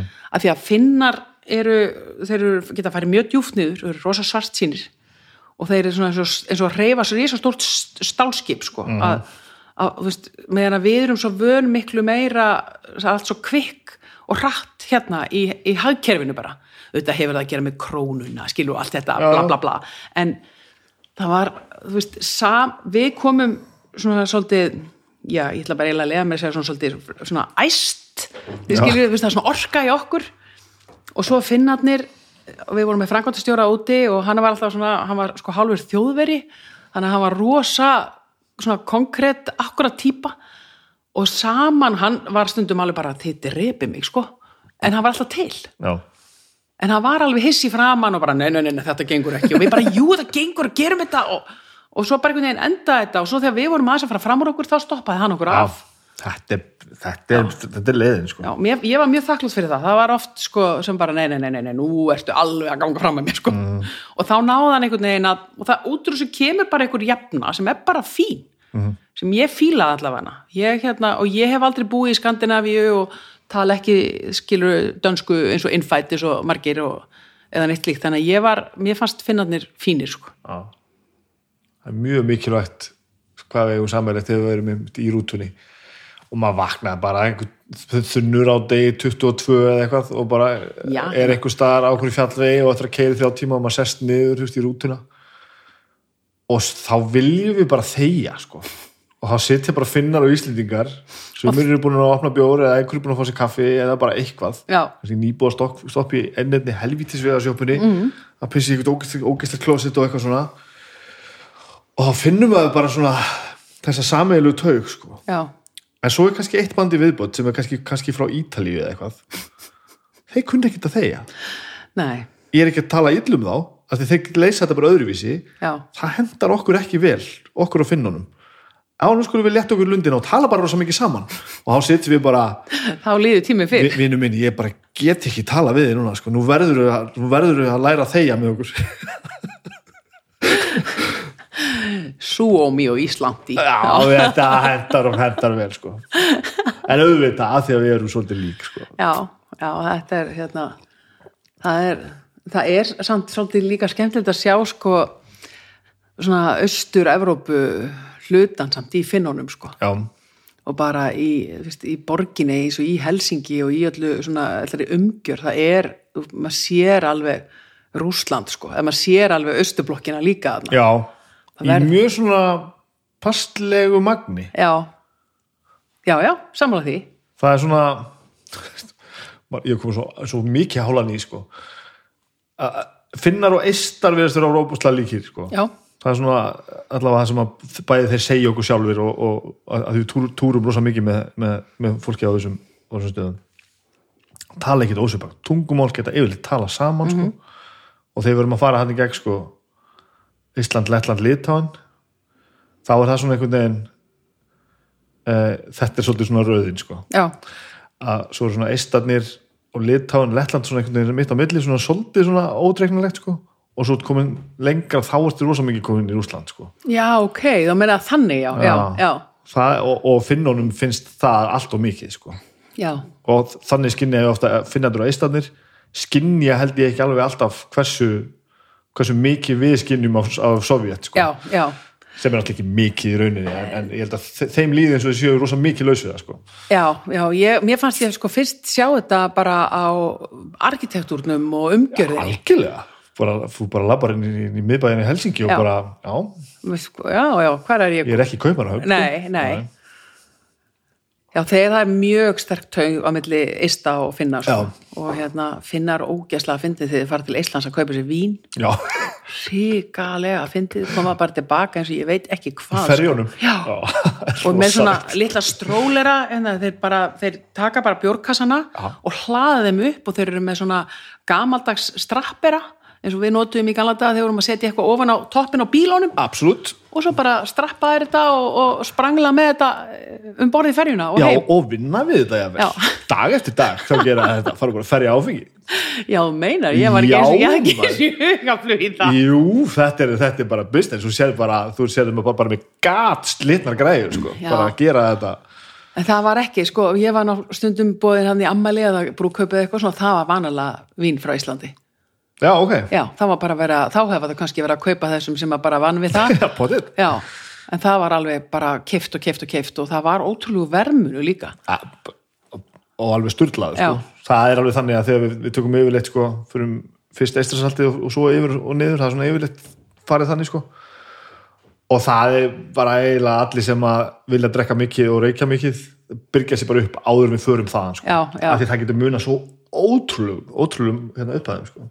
Sko, er svo, þú segir Lettland og Litáin, ég, ég var rosa lítið var við það þarna. já, ég held að það ná ekki droslega mikið yfir sko. Nei, við vorum með marga ista í vinnu og við vorum með mjög marga rússa í vinnu já, og þetta var alveg eðal fólk. já, alveg hardúlegt og flott sko og það var flest búið að koma sér upp einhverju finnsku, já, já. þú veist svona allavega ná sér í smá kunnáttur sko en það var rosa lítið af lettum og, og veist, ég, ég upplýði það það einmitt sem svolítið langt í burtu sko það er rosa skemmtilegt fólk líka Já, svona, en, maður finnur að eitthvað breytist sko. já, já, hérna, hérna, hérna ég er að horfa einn út það er, þetta lítur að vera flott útsýni þegar það er ekki bara grámiglan og finnst þetta ekki flott núna? nei, Er minnst þetta er þetta ekki nóg fyrir þig? Nei, veist þetta, ég vil, hvern, við veist þetta er nú inn í bóðinu, sko, og spurning hvort maður fengi ekki clear blue sky og, og Já, sorry er, þetta, er þetta sjósund?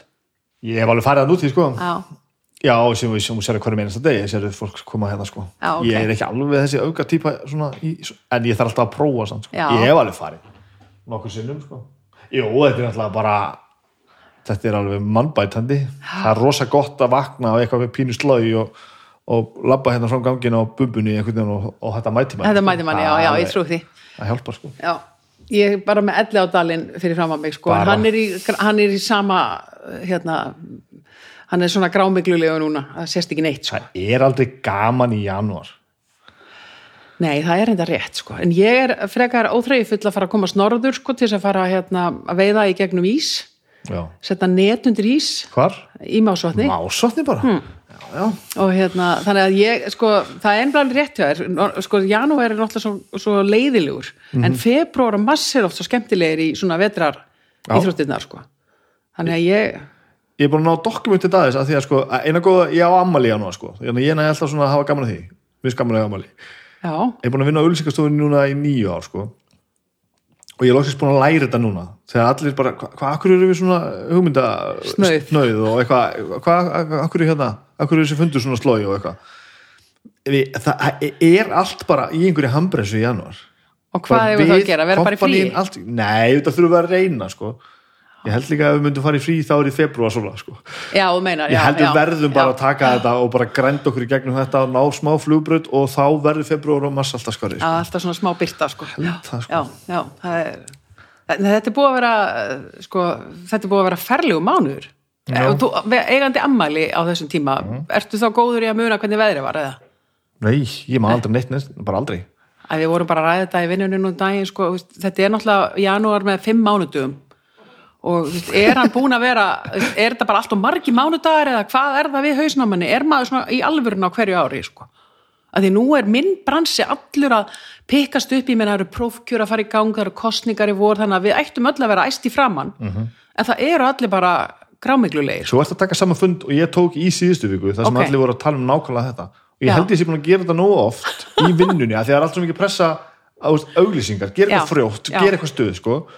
Og við erum rosalega góðið í og svo bara einhvern veginn vöknum við alltaf svona svona komum svona stað eftir jólun orðumótin alltaf leið með það og svo líður fyrsta vikan sko og svo er bara komið svona 10. janúar og við erum bara en þá, okkur já, er ekkert að gerast hérna, okkur erum við einhvern veginn? Og bara, sorry krakkar við meðum ekki hægt að reyna, en þetta er svona sko. það byrtir til. Það kemur Já, bara fyrsti já. februar og þetta verður strax aðeins skára Já, hann er á morgun sko. Hann er á morgun, er á Það morgun. yes. En hérna eh, fer maður bara úr business og fer bara allt í einu að skipta sér bara af, af pólitík og skipulagi bara á þess að Já, sko, réttaspurningin er eiginlega hversu ólíkt er þetta í raun, raun og veru?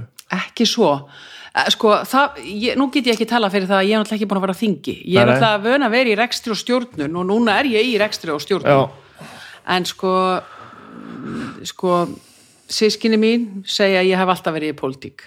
Já, já. Og hérna, en ég var, ég var á tímbili, ég var í fjögur ár formaður FKA, félag hvenna í atvinnulífinu. Ég var í tíu ár formaður finnsk íslenska viðskiptaráðsins.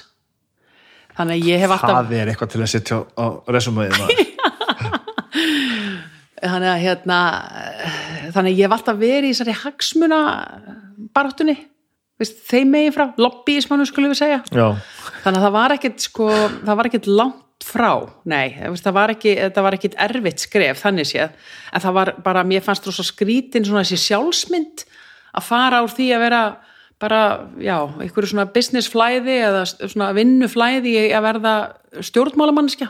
já, Mér fannst það skrítið og mér fannst svona það, bara, eftir hrun og kannski var það svona fyrir hrun líka en það var svona eftir hrun hafa stjórnmál, stjórnmálin á sér einhverja svona ásýnd sem að ég samsamaði mig ekki við sko. Þannig að ég þá? mér fannst bara einhvern veginn, mér finnst alltaf að vera svona að allir stjórnmálmenn hálspiltir og hugsa bara um sig og eitthvað svona endalust tuð um það. Breytist það í hrun ég veit það ekki. Ég, ég, mér finnst alltaf að ég upplifið það er þessa reyði kannski verið alltaf verið svona sko. það ég held þannig það maður. Já, já, kannski verið alltaf verið svona. Þegar maður horfa að verbúðina núna þá sér maður til, heldur til betur. dæmi sko.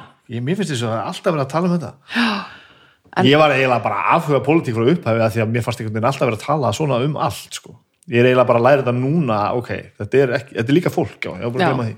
já, fólk, fólk og fullt af góðu fólki sko. já, og þannig að mér finnst þetta mjög skemmtilegt sko. Og hérna, en það var ég, ég gat, sko, þegar að þetta kom upp með að fara í borgarstjórnarkostninga 2018, þá sko, þá var ég svo spennt af því að ég þekki bæði rekstuborgarinnar og umgjörðina og allt það batteri, sko, og mér fannst ég, ég svona, mér fannst það rosalega spennandi. En hérna, en ég er ekki alveg vissum að ég hefði stokkið svona mikið á að það hefði verið alþingiskostningar já, ég skilja ég sé þarna muni, mér finnst þessi svona hands-on business mm veist, að, að þessi nálað við fólkið, þjónustuna mest, það er rosalega skemmtilegt. Ég ætla ekki að segja með hitt ég, ég sé alveg hvernig þingi virkar í dag og hvernig þetta er ólíkt sveitafélagunum en, en mér finnst sveitafélaga málin alveg ótrúlega skemmtileg. Og þú ert alltaf með nálaðin þú veist þú ert með skólana, leikskólana þú ert með alla umgjörðina þegar kemur að fölluðu fólki eða öldrum þú veist, þú ert með allt sundlega menninguna veist, allt þetta sem við erum að nota dagstælega og þá að geta fengið taka þátt í því að byggja upp skemmtilega borg skemmtilega sko. Það þarf að vera gaman. Já, að þá hérna, mér finnst það mjög skemmtilegt. Þannig að það var ekki svo erfitt sko. Það var, og svo var ég bara líka ána með flokki minna því að ég var svona pólitíst regald á tímabili sko.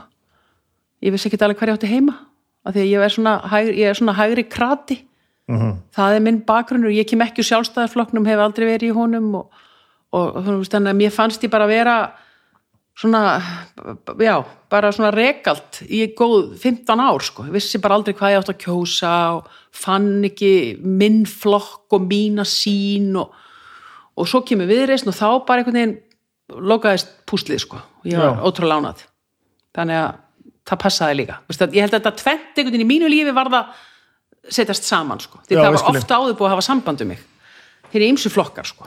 og hérna, já, já, það var komið að máli við jú, mig margir komið á máli já þannig að já, þetta, þetta er búið skemmtilegt sko. en að, en að jobbið sem slíkt a- kitlaði þig alveg en, en þú fannst ekki alveg hvar í hvað sæti þú ættir að setjast á Sko, í, í þetta skiptið 2018 Áður, á ég Nei, við. áður, já, Já, já, þá, þá var ég ekki að sjá Vist, bæði, ég var bara svo ósamála flokkunum í mörgu sko. Já, já. Og þá bara getur maður ekki verið með. Að ég á mjög erfitt með þetta sko. en ég er kannski aðeins að læra samt sko. ok, ég, ég held einhvern veginn að maður þurfti bara að vera saman á öllu. Nei, maður, það, það er Það- aldrei hægt sko, að það er ekki hægt. Nei. Ég, ég reyndi það mjög lengi, það er ekki hægt. Það er ekki hægt. Og það er, þú veist eh, hérna þú ert alltaf með spektrumið en á með þú ert með eitthvað hryggjastykki sem er eins já, já, það er það sem þetta snýst um þú ert bara með ég sé þetta allan svona myndrænt fyrir mér þetta er hryggjastykki og síðan ertu bara með fólk með allskins hugssjónir inn í þessu þessum kroppi já. Er, ég er aðeins byrjað að sjá þetta sko. Já. og það er pínu gaman þegar maður kveikir á því annað sem ég var líka ég þurfti að læra og er kannski að læra er, er sko hvort að maður á að reyna að vera með að því að mjög lengi var ég bara ég, þetta er ekkert minn leikur sko. Veist, ég þarf ekkert að ég þarf ekkert að einhver eitthvað pæli í hvaða flokki ég passa inn og hvað ekki sko. En svo bara allt í henni fyrir maður svona en ef maður sleppir því alveg sko. Ég held að þetta er að vera með, absolutt. Já, sko já, ég meina, þú þátt bara að finna flokkin sem að þú ert mest sammála einhvern veginn, sem að þetta- hryggjast ekki já, þú tilheyrir og síðan þurfa að flokkar allskins fólk. Mhm. og það er hrikalega gaman að taka þátt í, í í stjórnmálarreifingu sko. Ég held að þarna sérstu samt komin að ró- rótinni uh, hverju ég hræðist þetta. Ok, Mér finnst það ef ég er búin að ofnbæra hérna ég er bara, ég, hérna, þetta er flokkur minn. Já, þá er ég svolítið búin að segja bara að mér finnst bara ég er hérna eins og hún. Já, já, já, já og þá bara, já. Veist, ég bara, sjáðu, sjáðu myndina þessu fólki hérna. Og skulum ekki reyna að hérna, skulum ekki reyna að ljúga það sjálf okkur að það sé ekki svona fjölskyldu svipur með myndum af, af, af, af myndum af hérna, stórum hópi fólks og saman flokknum. Bara, ég ætla að standa hér í þessum hóp og Já. ég er svona. Bara, og ég fæ bara, ah, bara ég get ekki þinglist því bara að ég sé eins og þetta fólk Já, já, ég get alveg skilað að það sé flókið sko og ég veist, var alltaf þarna líka þannig til að ég kannski bara fann mína fjölskyldu mynd það getur vel verið kannski er það bara já, það, kannski vanta mig bara um fjölskyldumyndir já, nákvæmlega sko. já. Ég, og ég var líka mjög upptekin við það sko þegar ég var að hérna var formaður FKA og í finnsk íslenska viðskiptaráðinu að þá fannst mér svo gott að vera ekki í neinum Já. og ég var mjög upptekin af því, nei ég er alveg óháð Mhm. Ég er ekkit endilega vissum að það hafi verið betra ekki það hafi skiptið neinu máli að, en það, vist, þá er fólk bara svona að setja þig í boks og, og mögulega kolvillusboks sko. Já, og ég var mjög oft sett í já, bláa boksið já, þú, já, þú meina það, já. Já. já, já, já.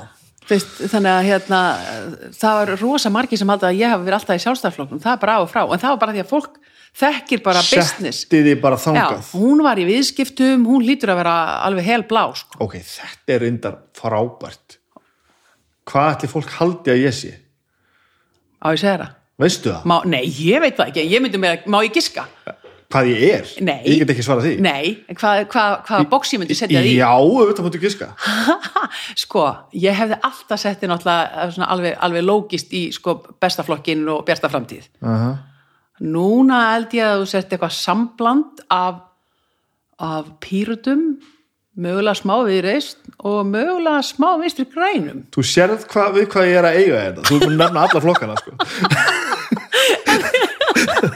En, þú veist, en það, þetta er líka annað, sko, því að hérna, það eru margi sem segja bara, hei, og ég, ég var einmitt að þræta við það um helgina, þá var hérna Kolbrún, hérna Kolla pislahöfundur á, á fréttablaðinu, var með pistil í, í fréttablaðinu á föstudaginu um það að, að allir flokkarnir í borgarstöðun væru litlusir og daufir e, bak við dag. já, á, já, alveg brjál svaraði fullum hálsi.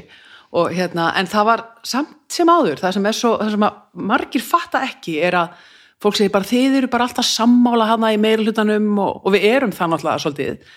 En, en þó við séum menna, við reist og vinstri grænir við erum alveg sikkurum ástnum en 80% erum við sammála. Veist, þegar kemur á lofslagsmálum Já. þegar kemur á skipulagsmálum þegar kemur á allskismál, þá erum við bara sammála. Bara setur þetta inn í skjali þá er það bara Já, Já, þú veist, þú bara hendir inn ok, um hvað erum við sammála hérna?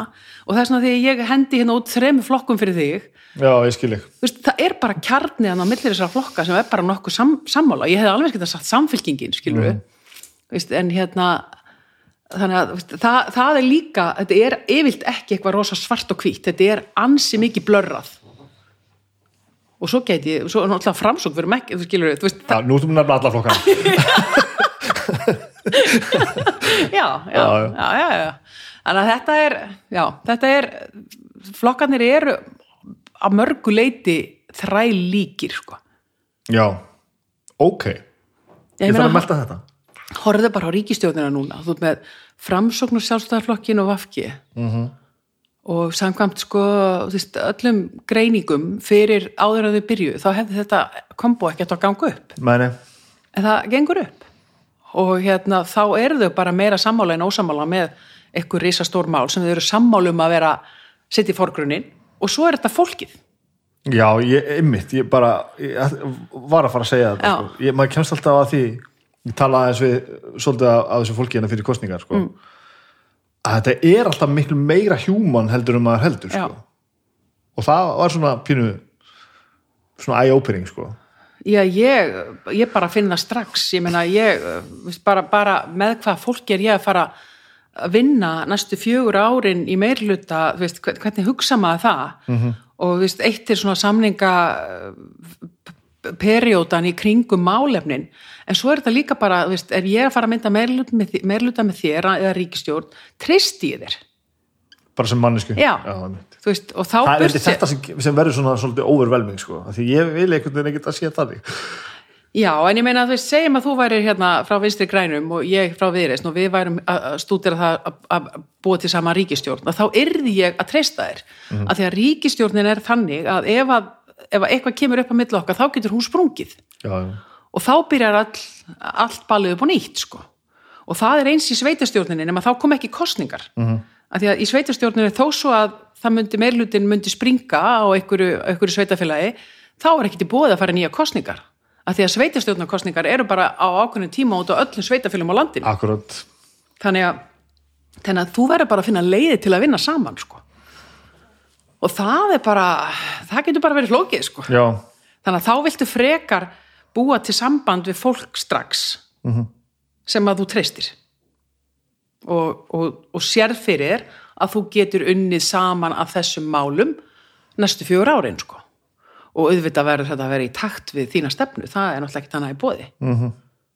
þannig að þetta er og, og þetta er eiginlega þessi mannlegi hluti bak við stjórnmálin sko.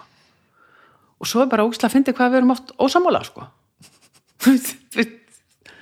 og við erum það bara mjög mikið sko.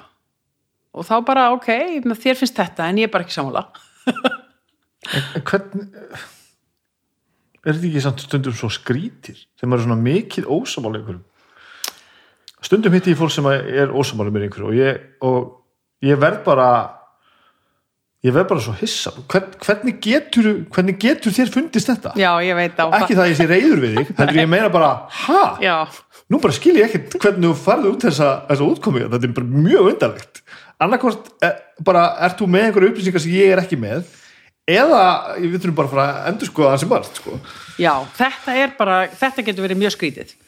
Og, og, og, þú veist, og, og svo líka þarf maður að læra það að maður getur ekkert sannfært. Nei, nei, einmitt. Skilur við, ég ætla bara að vinna í því núna að fá þig á mitt band. Já, það gengur ekki upp sko. Nei. þannig að hérna já, maður verður eiginlega bara að vita það. Og ég meina það er flokkar í, í borgarstjórn sem að, um, ég er bara mjög ósamala ég bara hryggjast ekki mitt, það er bara einhver staðar á allt öðrum stað heldur en þeirra. En ég verð samt bara að vita það og bera virðingu fyrir því þó að mér langið ekki alltaf. Mér langar ekki alltaf að vera ægilega skynsum og, og hérna, stundum er ég bara alveg damn it en, en reynir stundum að þú veist íta öllu til liðar og bara svona reyna að rekja það hvernig fólk kemst að þessari niðurstöðu? Nei, ég er bara innan ekki standi í því eins og það er fyrst fólk er þarna bara. Nei, að því að sögum mál skil ég sko. Já. ég skil alveg, auðvitað getur verið horta á þetta svona og þú ert ósamála mér en mér þykir bara vænum þetta hér heldur en þetta hér. Mér finnst að þetta er ganga fyrir. Það, ég skil þetta sko, en það eru mómentin að segja bara býtu við, Já. hvernig komstu á þennan stað eiginlega já, ég, nei, ég nenni því ekki eins og sko Nei, nei. bara ég vil bara, kannski er, ég vil bara drífa mig áfram að, hérna, í verkin sem við erum að vinna sko. Já, já. En, en það er samt svolítið, þetta kemur mjög gætnan upp á borgarstjórnafundum það sem við erum að tala fyrir sko, opnu tjöldum -hmm. og þá, þá er fó- fólk ofta að koma með svona sitt teika eða sína sín á málin og þá sér maður svo skýrt hvað við getum verið ósamála -hmm. og þar, þar maður veist, og, þar eru við í meirhlutanum alveg hellings ósamála líka sko. innbyrðis Já, meina, og það er ekkert leyndamál, við höfum alltaf verið það, við vissum það alveg, en, Já. og, en það er bara svo holdt líka, svo þurfum við bara að finna leið og finna niðurstu Mhm. og, og, og það er bara miklu skemmtilega, ég myndi ekkit vilja fá bara einna, eitt flokk sem ræður öllu, það verður allt einsleitt og glatað, sko. Já, ég held að það sé alveg rétt sko. meiri sé að þó að þetta væri fólk sem að ég, að ég myndi fá að forrita sjálfur Já, nei, það að allt væri eins og ég vil hafa það Mm. og einhver flokkur að stýra ég, það er ekki góð hugmynd sko. Nei, og hún er bara aldrei góð sko og, og, og, og bara ég, ég myndi ekki nenna þeir, þannig pólitík heldur sko Nei, og nú er ég bara þessum út frá mér. Ég held að það er ekki góð hugmynd fyrir mig sko.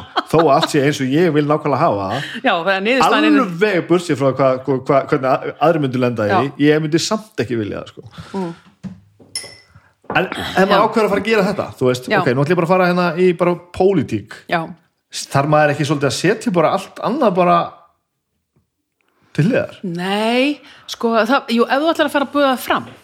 Já, sko ég er nú að meina það sko. Ef þú ætlar að fara Jú, ef þú ert að fara þú ert, sko, það fer eftir því hvar þú býrð nú þú, býrð þú hérna út á Nesi sko, -hmm. má ekki segja þetta í podcastinu? Jú, jú. Já. nú býrð þú hérna út á Nesi og þar er, fyrst, þar, þá sko, hér er það að vera bæjarfulltrú ekki fullt starf nei, hér fara bæjar, bæjaráðs og bæjar stjórnarfundir væntalega fram á oft tíma þannig að flesti sem eru hérna í bæjarpolitíkinni fyrir utan bæjarstjóran eru bara í vinnu annars þar já, en hérna, ef þú ert í Reykjavík eða Kóbói sem dæmi, að þá ertu í miklu þú veist, í Reykjavík ertu í 100% vinnu og í Kóbói ertu í 50% vinnu. Þannig að þú veist, í Reykjavík er þetta ekkert annað en þú bara veit ég ekkert um svona hluti. Er þetta svona? Já, í Garðabæ og í rauninni það er ba- bara í Reykjavík sem þú ert í 100% vinnu. Kóbó ert í 50% vinnu. Öll hinn 67 sveitafélögin út um alland þá ertu bara að borga fyrir fundasettu áhugavert. Já, þannig að þú veist, þá ert ekkert að setja neitt þá getur þú bara verið að vinna á auðlýsingastofu og verið bara í pólitíkinni hérna út á nesi já, og reyfið kæfta á, á, á bæjastundafundum og haft áhrif. Ok. Og þá er þetta bara kannski eins og enn einn hljónsundir Já, það ræði mig. Ég vil ekki þetta sé bara enn en ljósin ég, er bara svona að reyna að koma inn í þitt líf. Þú veist, reyna að koma mér fram svo að ég vil að prófa það. Já, en sko, svo er náttúrulega bara annað ég, er kannski meira að hugsa um þetta sko. en já um mitt en þar, maður það ekki svolítið eins og þú þú þurftur ekki svolítið að ákveða bara, "Ah, nú ætlum ég að fara að gera þetta. Bara, Jú, ég þurfti að gera það. Og, ég, og ég, það var bara það var hellingspæling sko. hún var miklu það var miklu starri ákvörun heldur en að margir halda sko, fyrir mig, ég, ég var alveg ok, nú er ég bara, ég raunin það sama þú sagðir á það, nú er ég bara búin að setja mig í þetta box, þetta er mín fjölskyldu mynd og ég, þá verð ég að vera tilbúin til að standa með henni það sem eftir er. Já, þú ert eiginlega að segja alveg það sem ég var að hugsa sko. þannig að, og, ég, og ég hafði veginn alltaf verið óháð og þar að leiðandi var það svolítið stórt skref fyrir mig. En svo hugsaði ég bara, æ, Lóa, ég menni alveg þú veist bara orðin hundgömmul og þú hefur bara fullt í þetta að gera og það stundu þar bara fólk eins og þig með -hmm. sem er bara óhrætt og rífikjaft og, og, og en um leið getur unni með fólki. Og ég hugsa bara kjaftaði mig upp í það þetta væri bara fínasta skref og borgin þýrt á mér halda já, en það er svolítið ég bara, ég bara kostaði þér niðurstu ég sagði bara já og ég meina hvað er það versta sem getur gest sko? Og þá bara verð ég að finna mér eitthvað nýtt jobb og, veist, og ég er ekki trætt við það ég, það er alltaf til störf -hmm. veist, þannig að ég bara lit vaða sko. Og hérna og ég, við vissum ekkert við meina viðrist þetta var í fyrsta skipti sem viðrist bauð í, fram í, í borgarstundakostningum já, þannig að við erum alveg blind í sjóin með það og bara og flokkur sem að hérna, mjög margi tengdu bara við Evrópusambandið og eitthvað svona, því að það var svona svolítið forgrunnuinn í byrjun. -hmm. að, hérna, að svoleiðis flokkur sem var bróða sér fram í sveitisnafkostningum það þarf náttúrulega að vera með góða stefnu þannig að, að við Pavel náttúrulega og, allur hópurinn settustum við það. Og, og við vorum með, víst, það bara kom út mjög viðristnaleg stefna sko. Já bara vildi svo til. Já, mjög. Þannig að þetta, og svo, svo bara, auðvitað hefðu við geta lent, þannig að við hefðum ekkert komist inn í borgarstjórn, það var fullt af flokkum það voru 16 flokkar sem buðu fram í Reykjavík í síðustu borgarstjórnarkostningum og það voru 8 sem komist inn, þannig að það voru aðrir 8 sem komist ekki inn sko. er þetta ekki eitthvað bjagað? Erum við ekki eitthvað að tala á mikið hver- hvert í sinu hodni þetta eru svona ofbóslegt Jú, ég held að sko, ég held að fjölgun, ég held að hafi verið svona það sem að bjóð til það að það komið svona margi flokka var það að það var fjölga borgarfulltrúum, það var sett lög á þingi um, um, um bæjar og borgarfulltrúa út frá hérna fjölda íbúa. Já, og lægsta talan fyrir Reykjavíkar þar leðandi 23 borgarfulltrúar. Og, og þá er fjölgað sagt, þeir voru miklu færri, þeir voru 13 ef ég maður rétt. Og það gerir það út að fjölga þeim um svona mikið að þá náttúrulega eru líka meiri möguleikar og lækkar barrýrin fyrir flokkana komast inn sko. já, já, sjálfsög þannig að hérna, ég held að það hafi líka haft áhrif sko. -hmm. en ég menn það voru ótrúlegustu flokkar í frambúi og ríkala fyndi að vera í þessum pallborðum, ég kallaði þetta að vera hlaðborði þú veist að það getur pallborð, það voru 16 oddvitar Já. eða 16 aðilar að tala Já. kannski um geðheilbriðismál eða um veist, bara mentamál eða eitthvað, hvaða, hvaða topic sem var og alltaf voru 16 manns og þú þarfst nú ekki að vera mikill snillingu til þess að rekna það út ef að bara 16 manns fá 5 minútur Já, það er það ertu bara búin með tíman já, já. og það líka það besta er sko að þetta er náttúrulega, því svo erum við líka náttúrulega í populisma keppni að þurfum alltaf að láta alla að elska okkur sko Já, já. þannig að ef þú talar tvær myndur um eitthvað sem ég er alveg sammálaði með og þú segir eitthvað, þá get ég ekki sagt bara já, ég Já. heldur verði að segja aftur það sem þú varst að segja nema eins og ég vildi segja það af því ég er svo magnaður. Og draga fram einhvern veginn þína sérstöðu. Já. Já. þetta er problemi sko. Þannig að og þarna verði ég bara eftir tíu mínutur bara, ég get ekki horta á þetta sko. Ég verði alveg bara þetta var svolítið fyndið sko. Þetta var svona hérna, þetta var já, þetta var oft svolítið skrautlegt fannst mér sko. Uh, en, en svo ertu komið með átta flokka í borgarstjórn og ef ég maður rétt með sjö flokka á þingi -hmm. sko þá hérna þá ertu með ótrúlega mikla breytt líka sem er vantalega stundum gott og stundum ekki alveg jafn gott eða eitthvað Ég held að sér reyndar alltaf gott sko, að því að við erum komin, veist, ég, já, ég allan að trú því að við séum komin í burtu frá fjórfloknum, þar sem að þeir bara einhvern veginn höfðu alltaf völdin. Nú, nú eru bara margir í fjórfloknum komni bara neyri í 10, 13, 14% fylgi og fullt af flokkum komnir inn, minna píratar, koma inn og einhvern veginn alltaf, fyrstu árin var alltaf, já, þetta lifir ekki. En það eru tíu ár liðin og píratar eru hérna ennþá sko. Og hérna, ég er alveg vissum að það er það sama og Inga hefur fengið í flokk fólksins. Já, já, já, þetta á nú ekki eftir að lifa. En, en hún er ennþá hérna. Já, já, og, og viðreist og, og hérna já, er ennþá. En svo er aðri flokkar sem að fara og koma eins og besti flokkurinn og björn framtíð og, og eiga sér einhver tímabil. Þannig að hérna ég veit það ekki, ég held að, veist, ég held að við sem erum í þessum nýju flokkum við, við erum, þurfum alltaf svolítið að sanna okkur sko, -hmm. en ég held að sá tími, ég trúi því að þetta tímabil sé búið. Já. við bara, veist, við þurfum meiri fjölbreytileika í þessa pólitík. Mm. veist, ég ég segi eins og þú, það væri náttúrulega gaman að allir hugsaðu bara eins og það væri miklu einfaldara en það er samt ekki gott. Nei, það er ekki gott veist, og þess vegna, veist, þetta er- og í hruninu alltaf að tala um, sko, það voru allir það voru allt saman strákar sem útskrifust úr Vestló og fóru saman í Háskóla Íslands. Ég meina, veist, við viljum ekki þannig. Nei, við, þeim er endilega verið með, bara endilega en við hefum ekki allir vera þannig. Nei, ég meina það það, bara gengur ekki upp nei, sko. nei, nei, nei, það verður að vera eitt stykki á öllum. Já. þannig að, en það er flókið. En þetta þetta með að þú varst búin að vera svona óhóð fram að þessu einhvern veginn og svona ekki, ekki tengd neinum voru það ekki rosalega margir sem eru sárir út í því þegar þú fórst svo sem heldur kannski að þú er með þeim í liði? Ég veit það ekki, maður heyrir aldrei neitt svoleiði sjálfur, sko, nei, ég held ekki. Það er ekki þannig að fólki hefur fundist þú vera svona að stökka út úr þeirra liði með því að fara í annar lið. Nei, ég var bara ekki nóg að fræg til að fólk hefði eitthvað svona mikla skoðin á mig Ok. Ég, ég held ekki, sko. Nei, nei. Nei, auðvitað voru einhverju hissa og ég held að, hérna, ég held að marg, jú, ég hugsa að það hafi einhverjir orðið hissa, en ég hafði aldrei tilheyrt neinum, þannig að Nei, það skipti í rauninni engu máli, sko. Hérna, það var miklu meira bara mitt eigið skref. Já, já, já Ég held að það hefði verið stærsta skrefi fyrir mig, sko. -hmm. Og svona, ok, þú veist, já, er ég til í þetta næstu, næstu árin, sko. Og varstu það, þú veist Já, já, hvað, já, mér fannst bara að vera komin tími. Ég fekk náttúrulega góða kvartningu svo hef ég bara alltaf verið svo skoðun og glöð og, og hérna já, fyrirferða mikil þannig að það var bara það var alveg eins gott að, að gera það bara á borgarvísu. Og það er alveg partur af því. Það er bara, veist, að, að performara og láta það sig kveða og bara svona Já, hafa, bara hafa, hafa áhrif á það hvernig samfélagi þróast. Ég er bara svo mikla Vist, og ég vil bara að við séum sko, ég er bara svo mikla skoðan einhvern veginn borgarsamfélagi að þróast og þá er ég ekki meina bara Reykjavíkuborg, heldur bara höfuborgarsvæðið -hmm. og umgjörðin í kringum okkur, mannrettindin uh, vist, öll þessi umgjörð í kringum líðræðismálin gegnsægi, ég bara mikla skoðanir á þessu og ég, mér fannst ég verða að hoppa inn í til þess að geta allavega látið að mér kveða í þessum málum sko. þannig að þessi skoðanir þær voru alveg til áður og byrjar að, að vel- velka svona mikið í þessu. Já, já, og já, og já, miklar sko. Og þá náttúrulega, sko, ég var búin að taka þátt í gegnum félag hvenna í atvinnulífinu. Þá var ég búin að taka þátt í, í hérna því að vinna að fjölbreytileika í stjórnum. Þú veist, og kvótin var settur á um það að yrða að vera jöfnkynja hlutföll í stjórnunum og fleira og fleira. Og ég, hérna, var akkurat formaður hérna, FKA þegar að það var innleitt.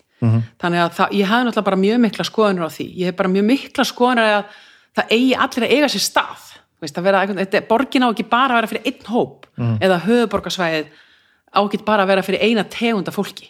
Veist, við verðum að, að hérna, vera tilbúin í að það er fólk utan á heimi sem vil koma að búa í Reykjavík eða koma að búa á landinu og hvernig ætlum við að, að, að bjóða þau velkomin og tengja þau inn í samfélagið og veist, allt þetta allt, allt sem við græðum í rauninni. Veist, ég, ég er alin upp inn í þessari borg. Ég, meina, ég myndi ekki vilja Reykjavík eins og hún var 1970 til 1980 sem var hvernig?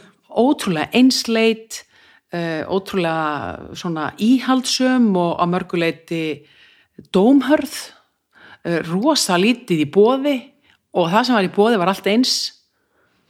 Ég meina það var bara það var ævindirlegt hvað allt breyttist. Þetta er náttúrulega bara mín skoðun en ég fann svo þegar að hérna, fyrstu flótamenninni komi hérna, frá Vietnam og Filipsheim það var bara allt einu til eitthvað allskins nýtt dót sem við höfum aldrei séð. Og ég meina, ég veist, við viljum ekki hafa upplifað við viljum ekki hafa mista þessu. Nei. og það er þetta, veist, og svo og mér fannst Jón Gnarr var hansi öflugur í þessu. Hann síndi okkur bara fram á allt sem við heldum að vera eitthvað sjúkla íslenskt er bara ekki endilega íslenskt. Nei, já, það góð var svo briljant sko.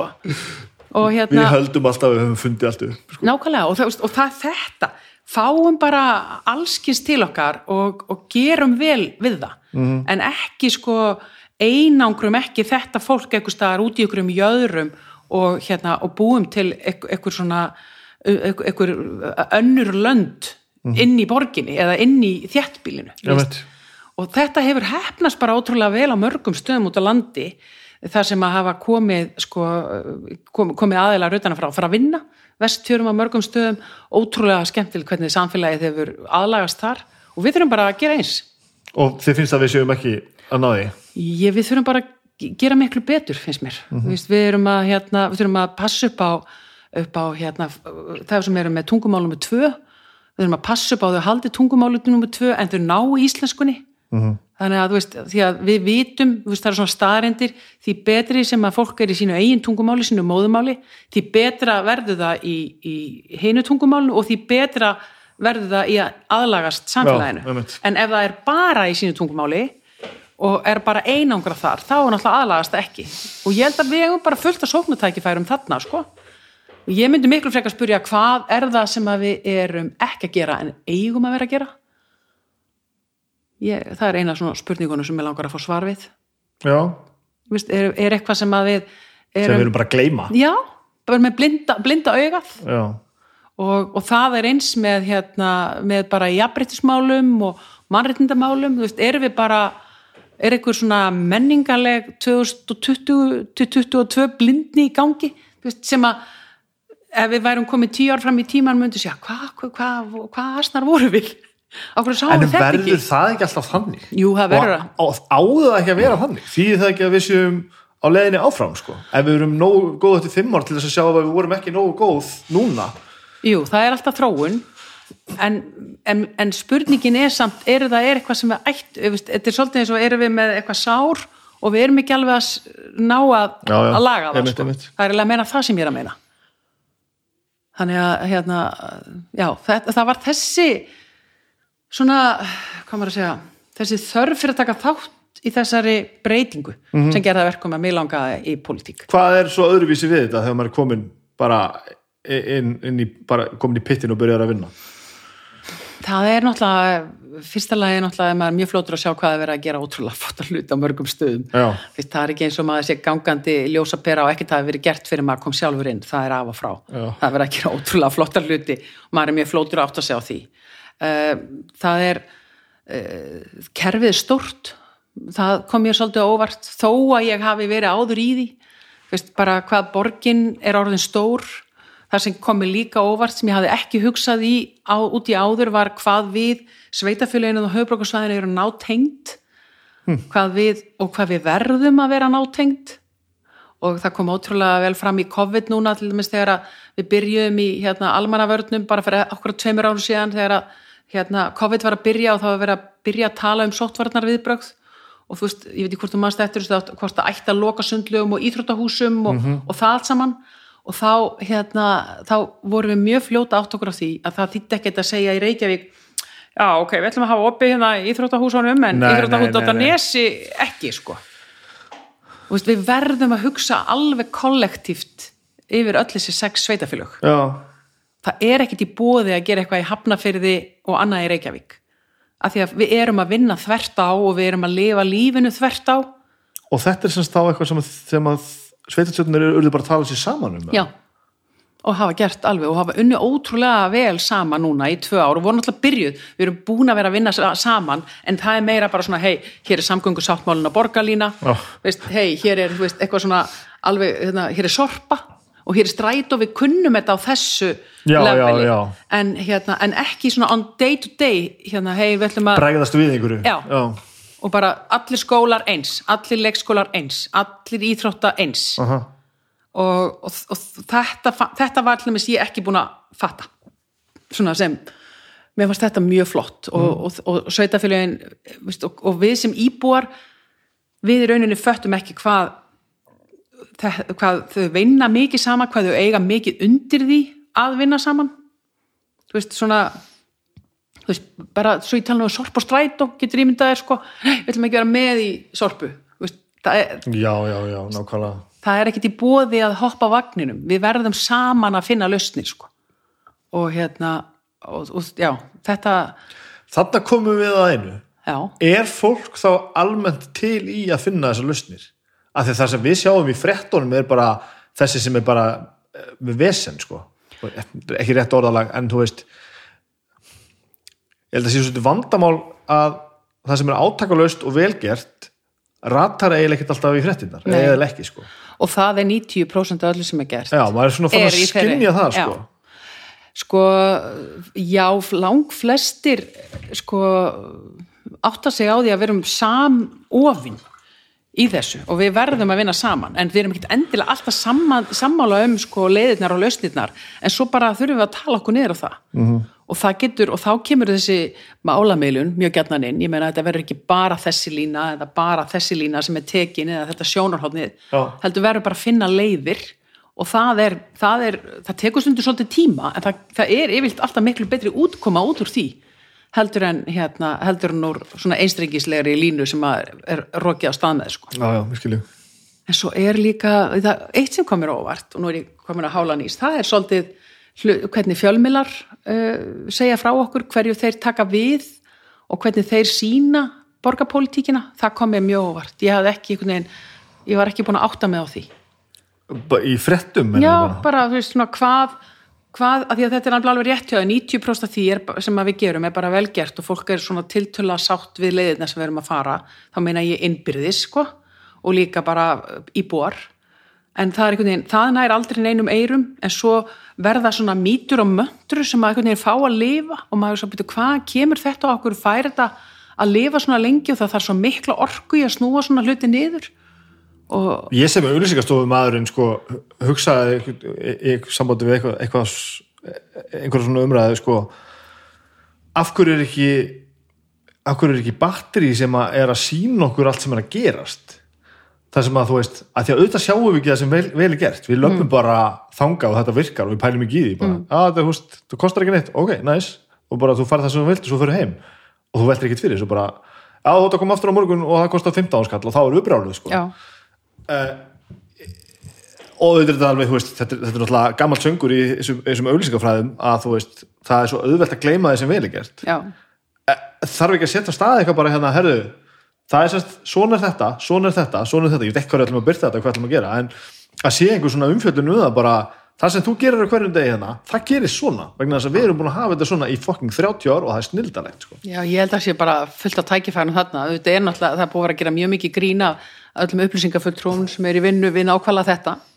Já, svo, svo með, það, er, það er fólki í vinnu við þetta. Já, já, og það er náttúrulega stöðut verið að senda út en það er bara hvar eru móttakararnir og hvar er hlustunin ég meina ég upplifi það til dæmis áður en ég fyrir pólitíkina, ég var bara nákvæmlega þess og þú, ég var bara að nota sundlöðarnar, ég var að veist, nota vegina og strætóinn og allt en ég var aldrei að spá í einu en einu og svo bara einhvern veginn allt í einu og ég var ekki að, þú veist, það var verið að segja mig fullt. Ég var bara ekki að, var ekki að hlusta sko Nei, ég held að þetta sé frábært orðalag ég held að maður sé bara ekki að hlusta og hérna, en ég held að sé alveg hægt að gera fullt meira þarna sko og ég, mér finnst pólitíkin vera að gera miklu betur þarna heldur hún gerði áður, sérstaklega eins og uh, bara í kynningamálum uh, eins og með ríkistjórnina undarfarið og, og, og, og borgarpólitíkin líka Já. en hlustunin er bara lítil sko er svona það þarf þá að, að breyta því sko. Já, ég veit að þetta er og þetta er áskorun sko, stundum getur maður orðið frekar svona uh, low í energíi þegar að maður einhvern Já. veginn upplifir að maður sé alltaf að tala um saman hlutin en enginn að hlusta sko þú ekkert að vera að gera þetta þú ætti að vera að vinna vinnuna þína og svo að vera fólk sem gerir Jú, en ég er að mæti allskins útvarstætti og taka hérna, debattið um hitt og þetta sko, þá er ég náttúrulega að reyna að koma mínum skilabóndi skila sko. já, ég, já, ég skil það Já. en ég er kannski meira að tala um sko, já, um þess að bara marketing, já, almennu umfjöllun um það sem verið er að gera Já. eins og þú veist þegar ég kefti mér strætókort einhvern Já. tíni fyrra að eitthvað þú veist, að því að ég tek strætó hérna beint fyrir út á húsið mitt, tek hann á hlem og labbi 500 í komin í vinnuna, Mm. Já, þetta er bara snillt. það besta sem ég veit Já. sko. setja maður headphone og hlusta á eitthvað kærulöst og bara, fæ ég að vera einn í smástund sko. Mhm. og þetta er einhver dýl sem ég man ekki lengur hvað var eitthvað sem var bara, já, fullt af fólki sem getur þurft að nota þetta svona og það er bara eitthvað hérna, eitthvað, ég sendi þú veist bara, bara staðfest að ég var í vinnu einhver staðar og eitthvað fekk bara, ég man ekki hvað þetta kostaði. Svo reiknaði ég út hvað þetta kostaði fyrir mig ok, að taka strætó, ég man ekki töluna sko, hún var eitthvað klink. Já, og þá bara, ef þú hugsar aðeins lengra heldur en bara hérna, að, að borga hérna eitthvað 70 skalli strætókort eða hvað ég man ekki hvað þetta kostaði. Mm -hmm. raun og veru er einhver búin að hafa fyrir því að setja eitthvað saman fyrir þig svo þú getur farið út í fucking strætisvagn á þess að hugsa neitt eða ekki eins og búin að fá í kaffi og koma í vinnun og þú borgar ekki djaks eitt fyrir það sko. já. Og Ég þú veist, að finnst öllum þetta bara sjálfsagt sko. já, hæ, hérna, hvað okkur gengur þetta svona en ekki svona, hvart undan einhverju e, það þarf að benda okkur á þetta sko. já, já, það massa ölsíka hefur fyrir borgina. Ég meina heldur hún myndi ekki skila sér tilbaka? Jú, jú, jú, það held ég. Það held ég. Eh, og þetta er, en það er svolítið áhugavert samt sko, þannig erum við líka aftur komin í pólitísku umræðuna. Á Reykjavík borg að vera að auglýsa? Já, mér finnst það. Já, ég veit að ég er sammálaði sko. Það, við, það hefur í alvörunni verið bara kvarta yfir því að við séum að auglýsa bara svona eins og hérna, kostningarnar í hverfi mitt eða, eða strætó eða, eða hérna, sameila sorpu hérna, hyrðingu og fleira sko.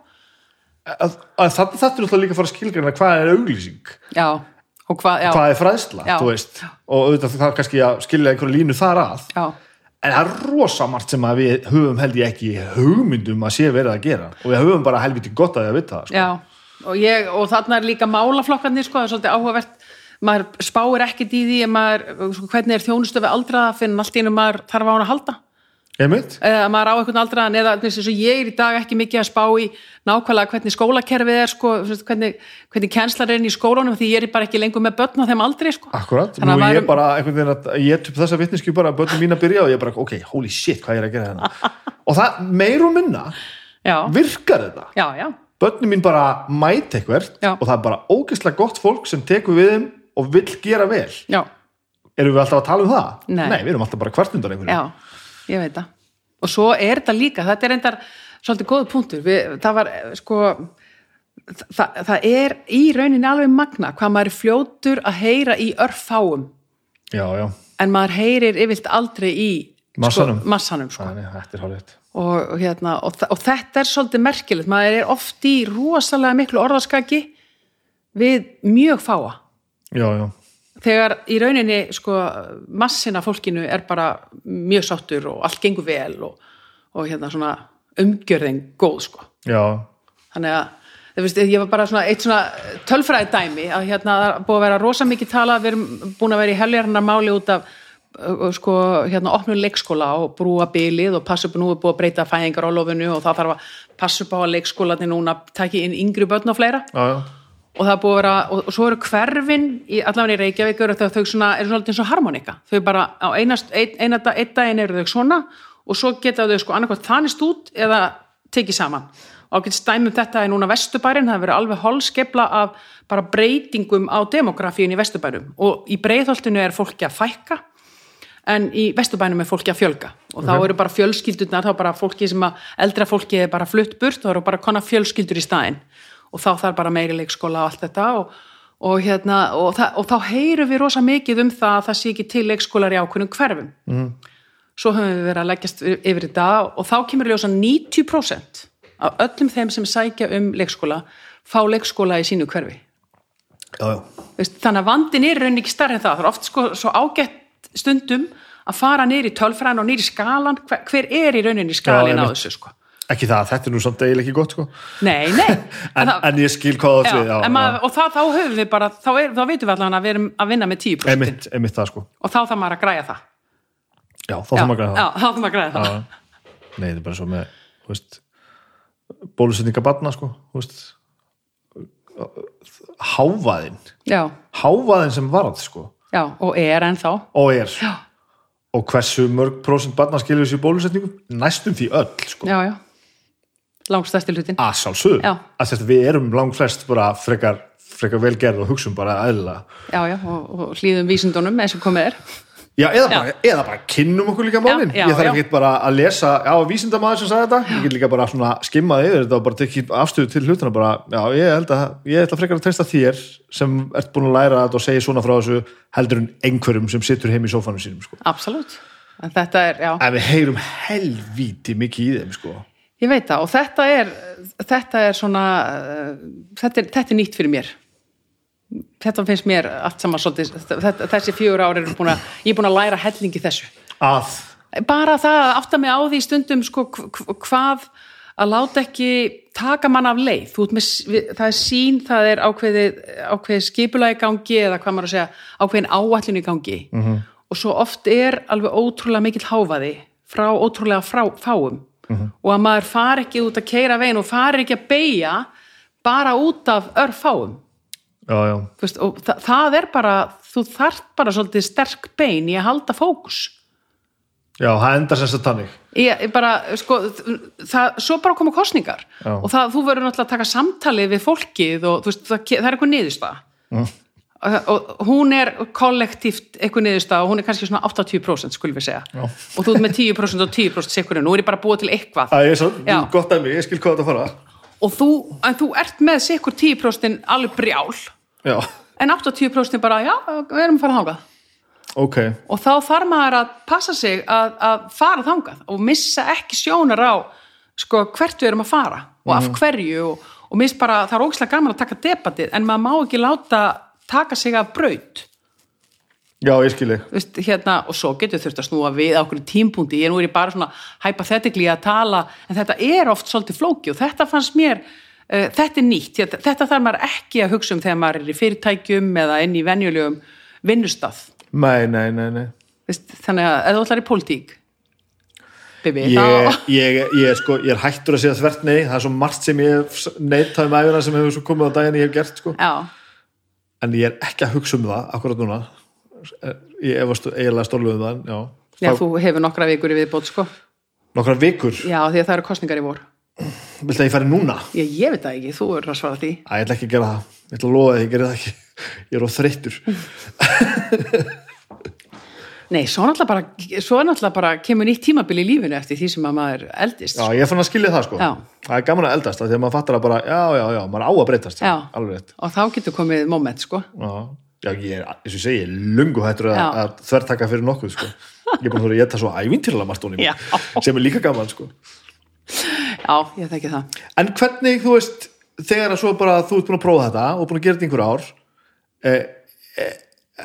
er þetta ekki annarkost bara já, áfram eða bara nei, ég ætla ekki að gera meira af þessu? Eða þú veist, er einhver millivegur þarna? Er þetta eitthvað svona, já, ég svo ég veit ekki hvort ég nenni þessu áfram ég er svona aðeins að sjá til. Er þetta ekki bara annarkot í þessu að öllu afli eða þú bara ferð og gerir eitthvað annað? Jú, ég held það. Ég, hérna, ég, allavega var það fyrir mig þannig, að, veist, það, það kom sko, ég vissi það bara alveg strax einhvern veginn nú er þetta mitt fyrsta kjörtímabil sko. Ég vissi það bara einhvern veginn strax eftir tvö, tvö hálft ár, ég bara ég vil áfram í þessu, Já. ég er bara ný en þá og ég vil bara veist, ég, það, þú gerir mjög lítið á fjórum árum. Þannig að hérna, ég var bara ég bara, ég til í það áfram. Og hvernig hendar það trögnum sem þú ert? Það, sko, það, koma bara alltaf ný og ný verkefni sko. Reysa verkefni, en sko hins vegar get ég alveg skilið þá sem er að hugsa að því þeir eru kannski líka að setja sig í samingi við sitt líf.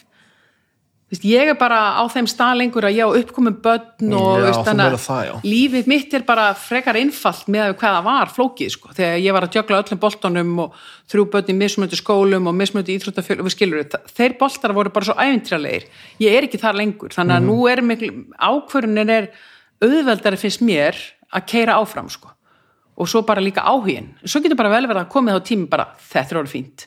Já. og hann kemur öruglega hjá mér að því að um leið og, og þetta er orðið eitthvað svona opbásli rútína og það er ekki mikið stuði í nýjungum þá verð ég mjög fljótt leið sko. já og þá kemur bara, veist, ok, þetta er búið. Og hvað gerur þú þá? það veit ég ekki maður. Það, ég er með nokkar business hugmyndir ok. Eitthvað ég er, ekki að fá til að segja mig hvað er er, er það eitthvað svona uh, hvatin að því er, er það þessi áhugi á að láta hlutina gerast? Eða ertu með, farið þessar business hugmyndir að því að bara, ó, oh, mér langar að gera nákvæmlega þetta hér. Eitt, eina af þeim er nú kannski meira ég er búin að, búin að hérna, í mörg ár búin að vera að pæla í því að það ég er eiginlega búin að vera þar. Af hverju er enginn búin að fatta þetta það að segja frá þessu? En það er, hérna, en það er ekki, það er ekki business hugmynd sem áttur að gera mig ríka en það er hins vegar kannski business hugmynd sem áttur að gera og hún áttur að uppfylla þarfum mín er að hafa púsla púslinu saman. Já, ég held að ég sé alltaf í því sko. Já, þannig að ég, það, það, væri, það er ein af þessum svona hugmyndum mínum sem að ég er með. En svo einhvern veginn bara ég nenni ekkert að hugsa mjög mikið um það hvað svo. Nei. Vist, það bara æðið maður er góður að geði og maður er góða vini og sæmilega fjölskyldu og þú veist maður bara er að lifa lífinu. Góður geði, já, Já, gott að þú veist, þá bara kemur eitthvað skemmtilegt sko. Já, og við hæfi, þú veist, hérna, já. Mhm. -hmm. kannski ég verið bara pródusent, nei. Það verið frábært ef þetta enda þannig. Bara hring það er bara, já ég er bara að komast að þessu. Ég, ég átti bara að vera pródusent. Það var já. aðeins ég ætla að gera. En hvernig er þú veist tímastjórnunin hjá þér þá? hvað meinar upp Hefur, bara? er, veist, eru nógu margir klukkutímar í sólarhringnum? Sko, ég er fyrir löngu, ég er ekki haldin hérna neittni fullkonunar áróttu að neinu tægi. Ég er alltaf mikið lífskúnsner til þess. Þú veist, þannig að ég, hérna, ég er löngu búin að læra það að ég get aldrei lesið allt sem ég þarf að lesa eða undirbúið mig eða mætt allstaðar og það bara er ekki þannig í lífinu, sko. Þannig að ég bara uh, prioritera, ég bara forgangsraða því sem ég ætla að vera að gera, því sem ég fæ mest út úr sjálf bara, fyrir mig og gleðina og fyrir framhaldi og fyrir árangurinn og þannig að ég bara sigli þannig, sko. Og er bara frekar kærulust típa. Já, já, já. Þannig að hérna ok, og það er bara það sem eh, mín gjöf í þessu lífi er það að ég er bara sæmilega kærulus já. Og hérna, og, og, já, annars væri ég löngu farin á taugum öruglega og stipplar þið það bara út, þú veist? Nei, ég ger það nú aldrei, alltaf. Nei. En þú veist, ég bara svona, ég bara, ég, veginn, ég læt ekki, ég læt flæðið flæða og ég í rauninni hef náð einhvern veginn undanfæri og ég lærið þetta fyrir mörgum ára síðan, sko, að hlaða ekki of miklu fyrir frama mig. Eða þá ég bara útiloka að ég sjáu það. Skilur mig, það, ég, ég, þetta í mínum, mínum kolli er tvent mjög ólíkt að annars er að hlaða ekki einhverju fyrir framann sig eða ákveðum að sjáu það ekki Já, ég held að kannski meira að sé að ég sjáu það bara ekki. Ég bara Nei. einhvern veginn ætla ekki að sjá það og, og svo bara verði ég að fá að flæða en rennur ekki á raskati með þetta Jú, jú, hver gerir það ekki? já, ég var bara hún og með lausna þessu. Já, ég meina, sko, ég verð náttúrulega stundum overlótast allt og þá einhvern veginn bara fer ég í krísustjórnun að koma mér út úr hlutum, Mhm. þú veist, ef að það bara er allt og mikið, en, en svo hef ég bara einhvern veginn líka lært að sko, það voru alveg tímabil í mínu lífinu og ég er ekkert endilega að tala um pólitíkina. Þar sem að ég var bara einhvern veginn allt í öllu. Maður var bara hvernig þetta fóröldrafélagið og maður var þarna og, og einhvern veginn alls, það var bara endalus verkefni. -hmm. En þau voru ekkert endilega verkefni sem gáfu mér mest þannig að ég fór bara svolítið að greina þau það er alveg góð 20 ár síðan ég veginn bara fattaði þetta þetta var það að börni voru lítil og, og ég var veginn með 150 bolta Mhm. og alltaf á þriðuvaktinni svo að kalla í dag Einmitt. og ég er bara einhvern veginn uh, ég hugsa bara, æ, fuck it, þetta er sorry bara, það er bara, þetta getur ekki átt að vera svona Nei. og hérna, og þá let ég bara fullt af boltum detta niður, sagði mig úr fullt af hlutum og fór bara meira að kjarna það sem mér hef, ég hef áhuga á. Mér finnst skemmtilegt og ég fæ eitthvað út úr, þú veist, það kemur eitthvað, eitthvað árangur. Já. þannig að meikar þetta sens? Já, okay. þetta grínast? Já, ok. Ég er bara held að séu allir að díla við þetta. Að, Ég held að við hefum svo ombúslega með að segja okkur úröldum sem hlutum. Við erum alltaf með einhverja falska ábyrðatilfinningu eða, eða ránkumundur um að allt standa og falli með okkur. Já, ég Við veit erum alltaf að gera fullt af einhverju drasli sem að við fáum ekkert út úr. Og svo erum við alltaf með viðkvæði bara að verður nú einhvern að gera þetta? Já. Það er ekkert verkefni í heiminum sem að einhverjum finnst ekki ógeðslega skemmtilegt. Ég Já. er bara að komast að því. Það er ótrúlegt sko. Þú meina að það sé allt sem okkur finnst leiðilegt finnst ykkur um öðrum alveg Já. skemmtilegt. Já, ok. Og með þess að ég sem er ekki, þú veist, mér hendar ekki vel að, veist, ég er bara latrú sjálfsæskur og finnst oft bara og ekki, já, ekki góður í húsverkum og eitthvað svona. Og þetta er svona, ég er svona í hraðbyr að bæta mig að því ég vil líka vera betri maður, sko. Og rosalega margir sem tala um bara að besta sem ég veit er að setja laka rúm og ég er bara nei, það er bara frekar gaman, sko. Það er bara svo lítið mál. Já, en það er bara, ég var bara í einhver, einhver samsættum dagina sem var bara, á bara fimm manns bara, það grínast, það er bara leiða sem ég veit. Og ég bara, nei. Já, meinar. Ok, Þannig ég er farin að, að, farin að sjá það bara, þú veist,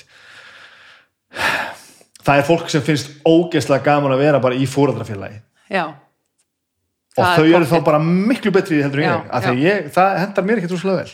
Ég held ég hafi lært þetta að því ég var að vinna með eldriborgurum. Þeir voru svo góðir í að segja bara, veist, það eru allir kirkjugarðar heimsins fullir af ómissandi fólki. Þeir voru bara mjög fljótir að að kenna manni þetta. Af því að það var kannski, það var akkurat á þeim tíma sem ég var með 150.000 bolta í lofti, Já. á lofti. Og þú veist, svo var bara eldra fólki sem var einhverjum 50 árum eldra en ég eða eitthvað, bara að róa sig. Og þú veist, já, ég held, veist, það, er bara, það er alltaf nóg að gera, þú getur alltaf spólað þig upp í tíma. Mhm. en, en hérna en hvað þarf maður að gera? Og, og svo bara, já það má þá vera aðeins meira drastl og það, þú veist, það er ekki allt 100% og veist, maður er aldrei hérna, veist, þarf maður að vera svona mjór og svona fallegur og svona heilbriður og ég veit ekki hvað og hvað sko já, ég, ég bara ég, er, ég nenni því bara ekki En ertu það ekki með fullkomnunur árt á neinu sviði það? Er ekkert svona sem verður að gera einhvern veginn alveg Ég veit það ekki, ég er svona aldrei að spáði það, ég held ekki. Ég er bara freka kærulaus þegar kemur allskinn svona. Hendar það endilega fólkinu sem þú ert að vinna með? Já, ég, já, ég, ég, veist, ég bara undibý mig ágætlega og ég er vel lesin Já, og þú veist, ég mæt, ég mæt alltaf, en ég geri ekki það sem ég þarf ekki að vera að gera. Nei. Skilur, ég er ekki að stinga nefinu onni í eitthvað, Þannig við erum ekki, við, við erum ekki að tala um sitt slugsi. nei, nei, Nei, ekki nei. beint, sko. Ég er alveg slugsi líka, sko, en ég er ekki slugsi með allt. Heldur bara, sko, veist, eh, það, það vantar í mig smámuna sem er til dæmis. Ég Mhm. væri alveg til að hafa aðeins meira henni stundum, sko. Hvenær? Hvenær? Já, þegar það þarf að fara hún í díteilana. Já, já, já. En veist, hérna, ég er svona makrotýpa, ég á rosa auðvelt með að sjá stóru myndina, -hmm. en smáu hlutina og flækjurnar og fyrirstöðuna sé ég ekki. Og þetta getur alveg verið flóki líka eh, í breytingastjórnun og business, sko, þannig að, að hérna, ég get alveg verið svolítið traktor, sko. Þarna erum við komin að einhverju sem ég er að læra líka sko. það er þetta að, að, leifa sér bara að hérna, vera góður í sumu mm. ég er ekki að segja að maður er ekki að sérast á hinnu ég er svo rosalega góður að fá hugmyndir og, og, og koma á svona, í, í svona representable hérna, hátteikundin frá, frá mér sko. en mér finnst til dæmis ekki gaman að búa þær til Já, það fikk ég mig gaman, sko. Ég vil frekar bara fá okkur geðveika hugmynd Já. og ég fæ bara svona 20 á dag og ég er ekki svona íkjæða þetta ég fæ bara, ok, þetta væri geðveikt sko. og þetta sopnar alltaf því ég bara, nenni ekki að gera þetta samt sko. já, já, og meiri sé að því að ég er bara, ok, ég er með hugmynd að hérna, að auðlýsingaherferð og hún er bara svona, svona, svona, svona, svona og, og allir segja já við öllu og svo bara að vera að dæla einhverjum miljónum í þetta og ég er ægilega ánægð með mig sko og svo að fara að taka upp sjóasólýsinguna sem er geðveitt partí og þá er ég samt svona pýrum bara já, já koma og, setti ég eitthvað og bara hitt alla og eitthvað og ég er svona jú, jú, alveg til í það. En það er ekkert dræf í mér sko. og ég horfi oft ekki á efnið sem ég skrifaði. Já, ok. Já, þarna ertu á einum stað sko, og svo bara taka aðrir boltana ég Já. get alveg skilið það sem dræf en ég var mjög lengi já, að berjast í því bara, já, já, ég skal koma í staðan fyrir að hafa bara einhver, gerð þú þetta bara? Þér finnst þetta gaman, ekki, ekki ég skal vera að gera annað með hann, fara þú og, Já. og, og gerðu þetta, sko. Að því að ég er ekkert að reyna einhver plebbi, mér bara langar ekki að vera þarna, eða þú veist. Já, ég, ég fæ ekkert svona mikið út til að vera þarna. Þannig að, gerð þú það, ég ætla að fara þarna að fá tvær góðar hugmyndir í já. sem þú getur svo hlaupið með, sko. Já. Svo er, sko, svo er annað sem að, hérna, maður læri líka, sem ég læriði og það var veist, ef við höldum okkur við þetta, þessa mynd sem þú ert að búa til, þú ert með hugmyndasmiðin og svo ert með framkvæmda fólkið já, en svo er, svo er til sko, það, ég væri meira í framkvæmda hérna, liðinu, ég væri fín í að grípa hugmyndirnar þínar og, og execute þær Ok. hins vegar ef það þarf að gera sama hlutin aftur, aftur, aftur þá er, það er fyrir ykkur aðra en mig sko. Aha.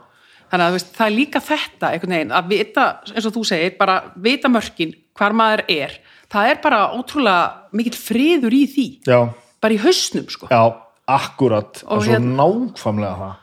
Og bara ég þarf ekki að vera hana og svo meiri sér komst ég að því að ég hef búin að játa þetta fyrir mér og öðrum sko þá fórum búin að finna þetta aðeins meira gaman. Af því að það var bara svona slagg í gagvart já, já, ég skil. Þá finnst man ekki lengur eins og ég, þú veist þurfa að vera að halda einhverju ímynd á lofti með þetta. Og þá bara svona gæti ég þess kannski að gera Já. að því ég var ekki alveg með ábyrðin á því. Þegar að henda þið já, já, já, erum við búin að leysa þetta maður. Þetta er geðvegt ég held maður að leist aldrei maður, það sem að maður er eði samt miklum tíma í hausnum á sér sko. Þú veist það kemur bara eitthvað nýtt held ég. Já, við eigum alltaf miklu tíma og alltaf miklu orku í að, í að hugsa sko. Hann veit sem vinna mín hefur kent mér líka. Þegar maður er að hugsa um ykkur vandamál maður hugsa um ykkur kannski fjóra daga hvernig ég leysa þetta. Og þú heldur einn fund með tveimur mannesku sem þú treystir og þetta leysist á kortir já, og maður bara, hvað er ég búin að vera að gera all, í alla þarna tíma? Þetta er ótrúlega merkilegt. Já, já, ég veit það ég veit það. þetta var ekki, þarna var ég ekki að tíma peningum og góða stað. Mér finnst, já, já, ég, hérna, þarna ertu reyninu komin í, sko, þetta sem að er svo áhugaverst stundum með þegar við leggjumst tvö, þrjú saman yfir eitthvað, þú veist, svona heildar, hérna, greindavísi tala hópsins er já, svo miklu betri heldur um manns eigins þegar maður er aðleit, sko. já, Já, að hérna, já. Og svo líka stundum þegar maður heldur um að fengi frábæra hugmynd og, og, og þetta sé bara alveg borlegjandi og svo bara, nei, þetta er ekki gott. Nei, það er það líka sko og það er að treysta því bara, já ok, þetta er ekki gott að þetta var bara glata. en svo lendur maður líka stundum í að fá hugmynd og svona, nei, þetta virkar nú ekki sko. Já, og svo fjóruðum við setna að berja þetta undir einhvern annan Æ, ég, ég veit ekkert hvernig við ætlum að leysa þetta ég komið með einhverja smá hugmynd sem er svona og fólki bara, já, þetta er frábært Já, og þá það gengur þetta í allar átti sko já. er alveg bara, já, hérna, hérna, hérna. herðu, Já, við þurfum ekki að fara lengra með þetta við erum búin að leysa þetta hérna á þetta borð er það ekki? Jú. þetta var mjög skemmtilegt Það er sögulegis. ég, ætla, ég ætla að segja þér hérna í, í, í, í, í trúnaði að ég var ekki stuðið hérna í morgun til að fara að gera þetta ekki, það kom þér ekkert við sko var bara, þetta var bara svona þessum dögum að ég bara nei, nei, nei, núna ég ekki meira sko Hvernig datt mér í hug að vera með podcast á mánundasmóti? fokk, hvað er að mér? Bara, þáttur númer eitthvað en þetta er akkurat ástæðan fyrir ég að gera þetta þetta er ógeðslega skemmtilegt, þetta var hrikalega gaman Já, sögulegis, ég það mjög gana þessu. þetta var mjög Já, skemmtilegt, þetta var hressandi og allt öðruvísi mánundagur hjá mér. er gott Já. takk fyrir að tala um mig Já, bara takk fyrir að fá mig.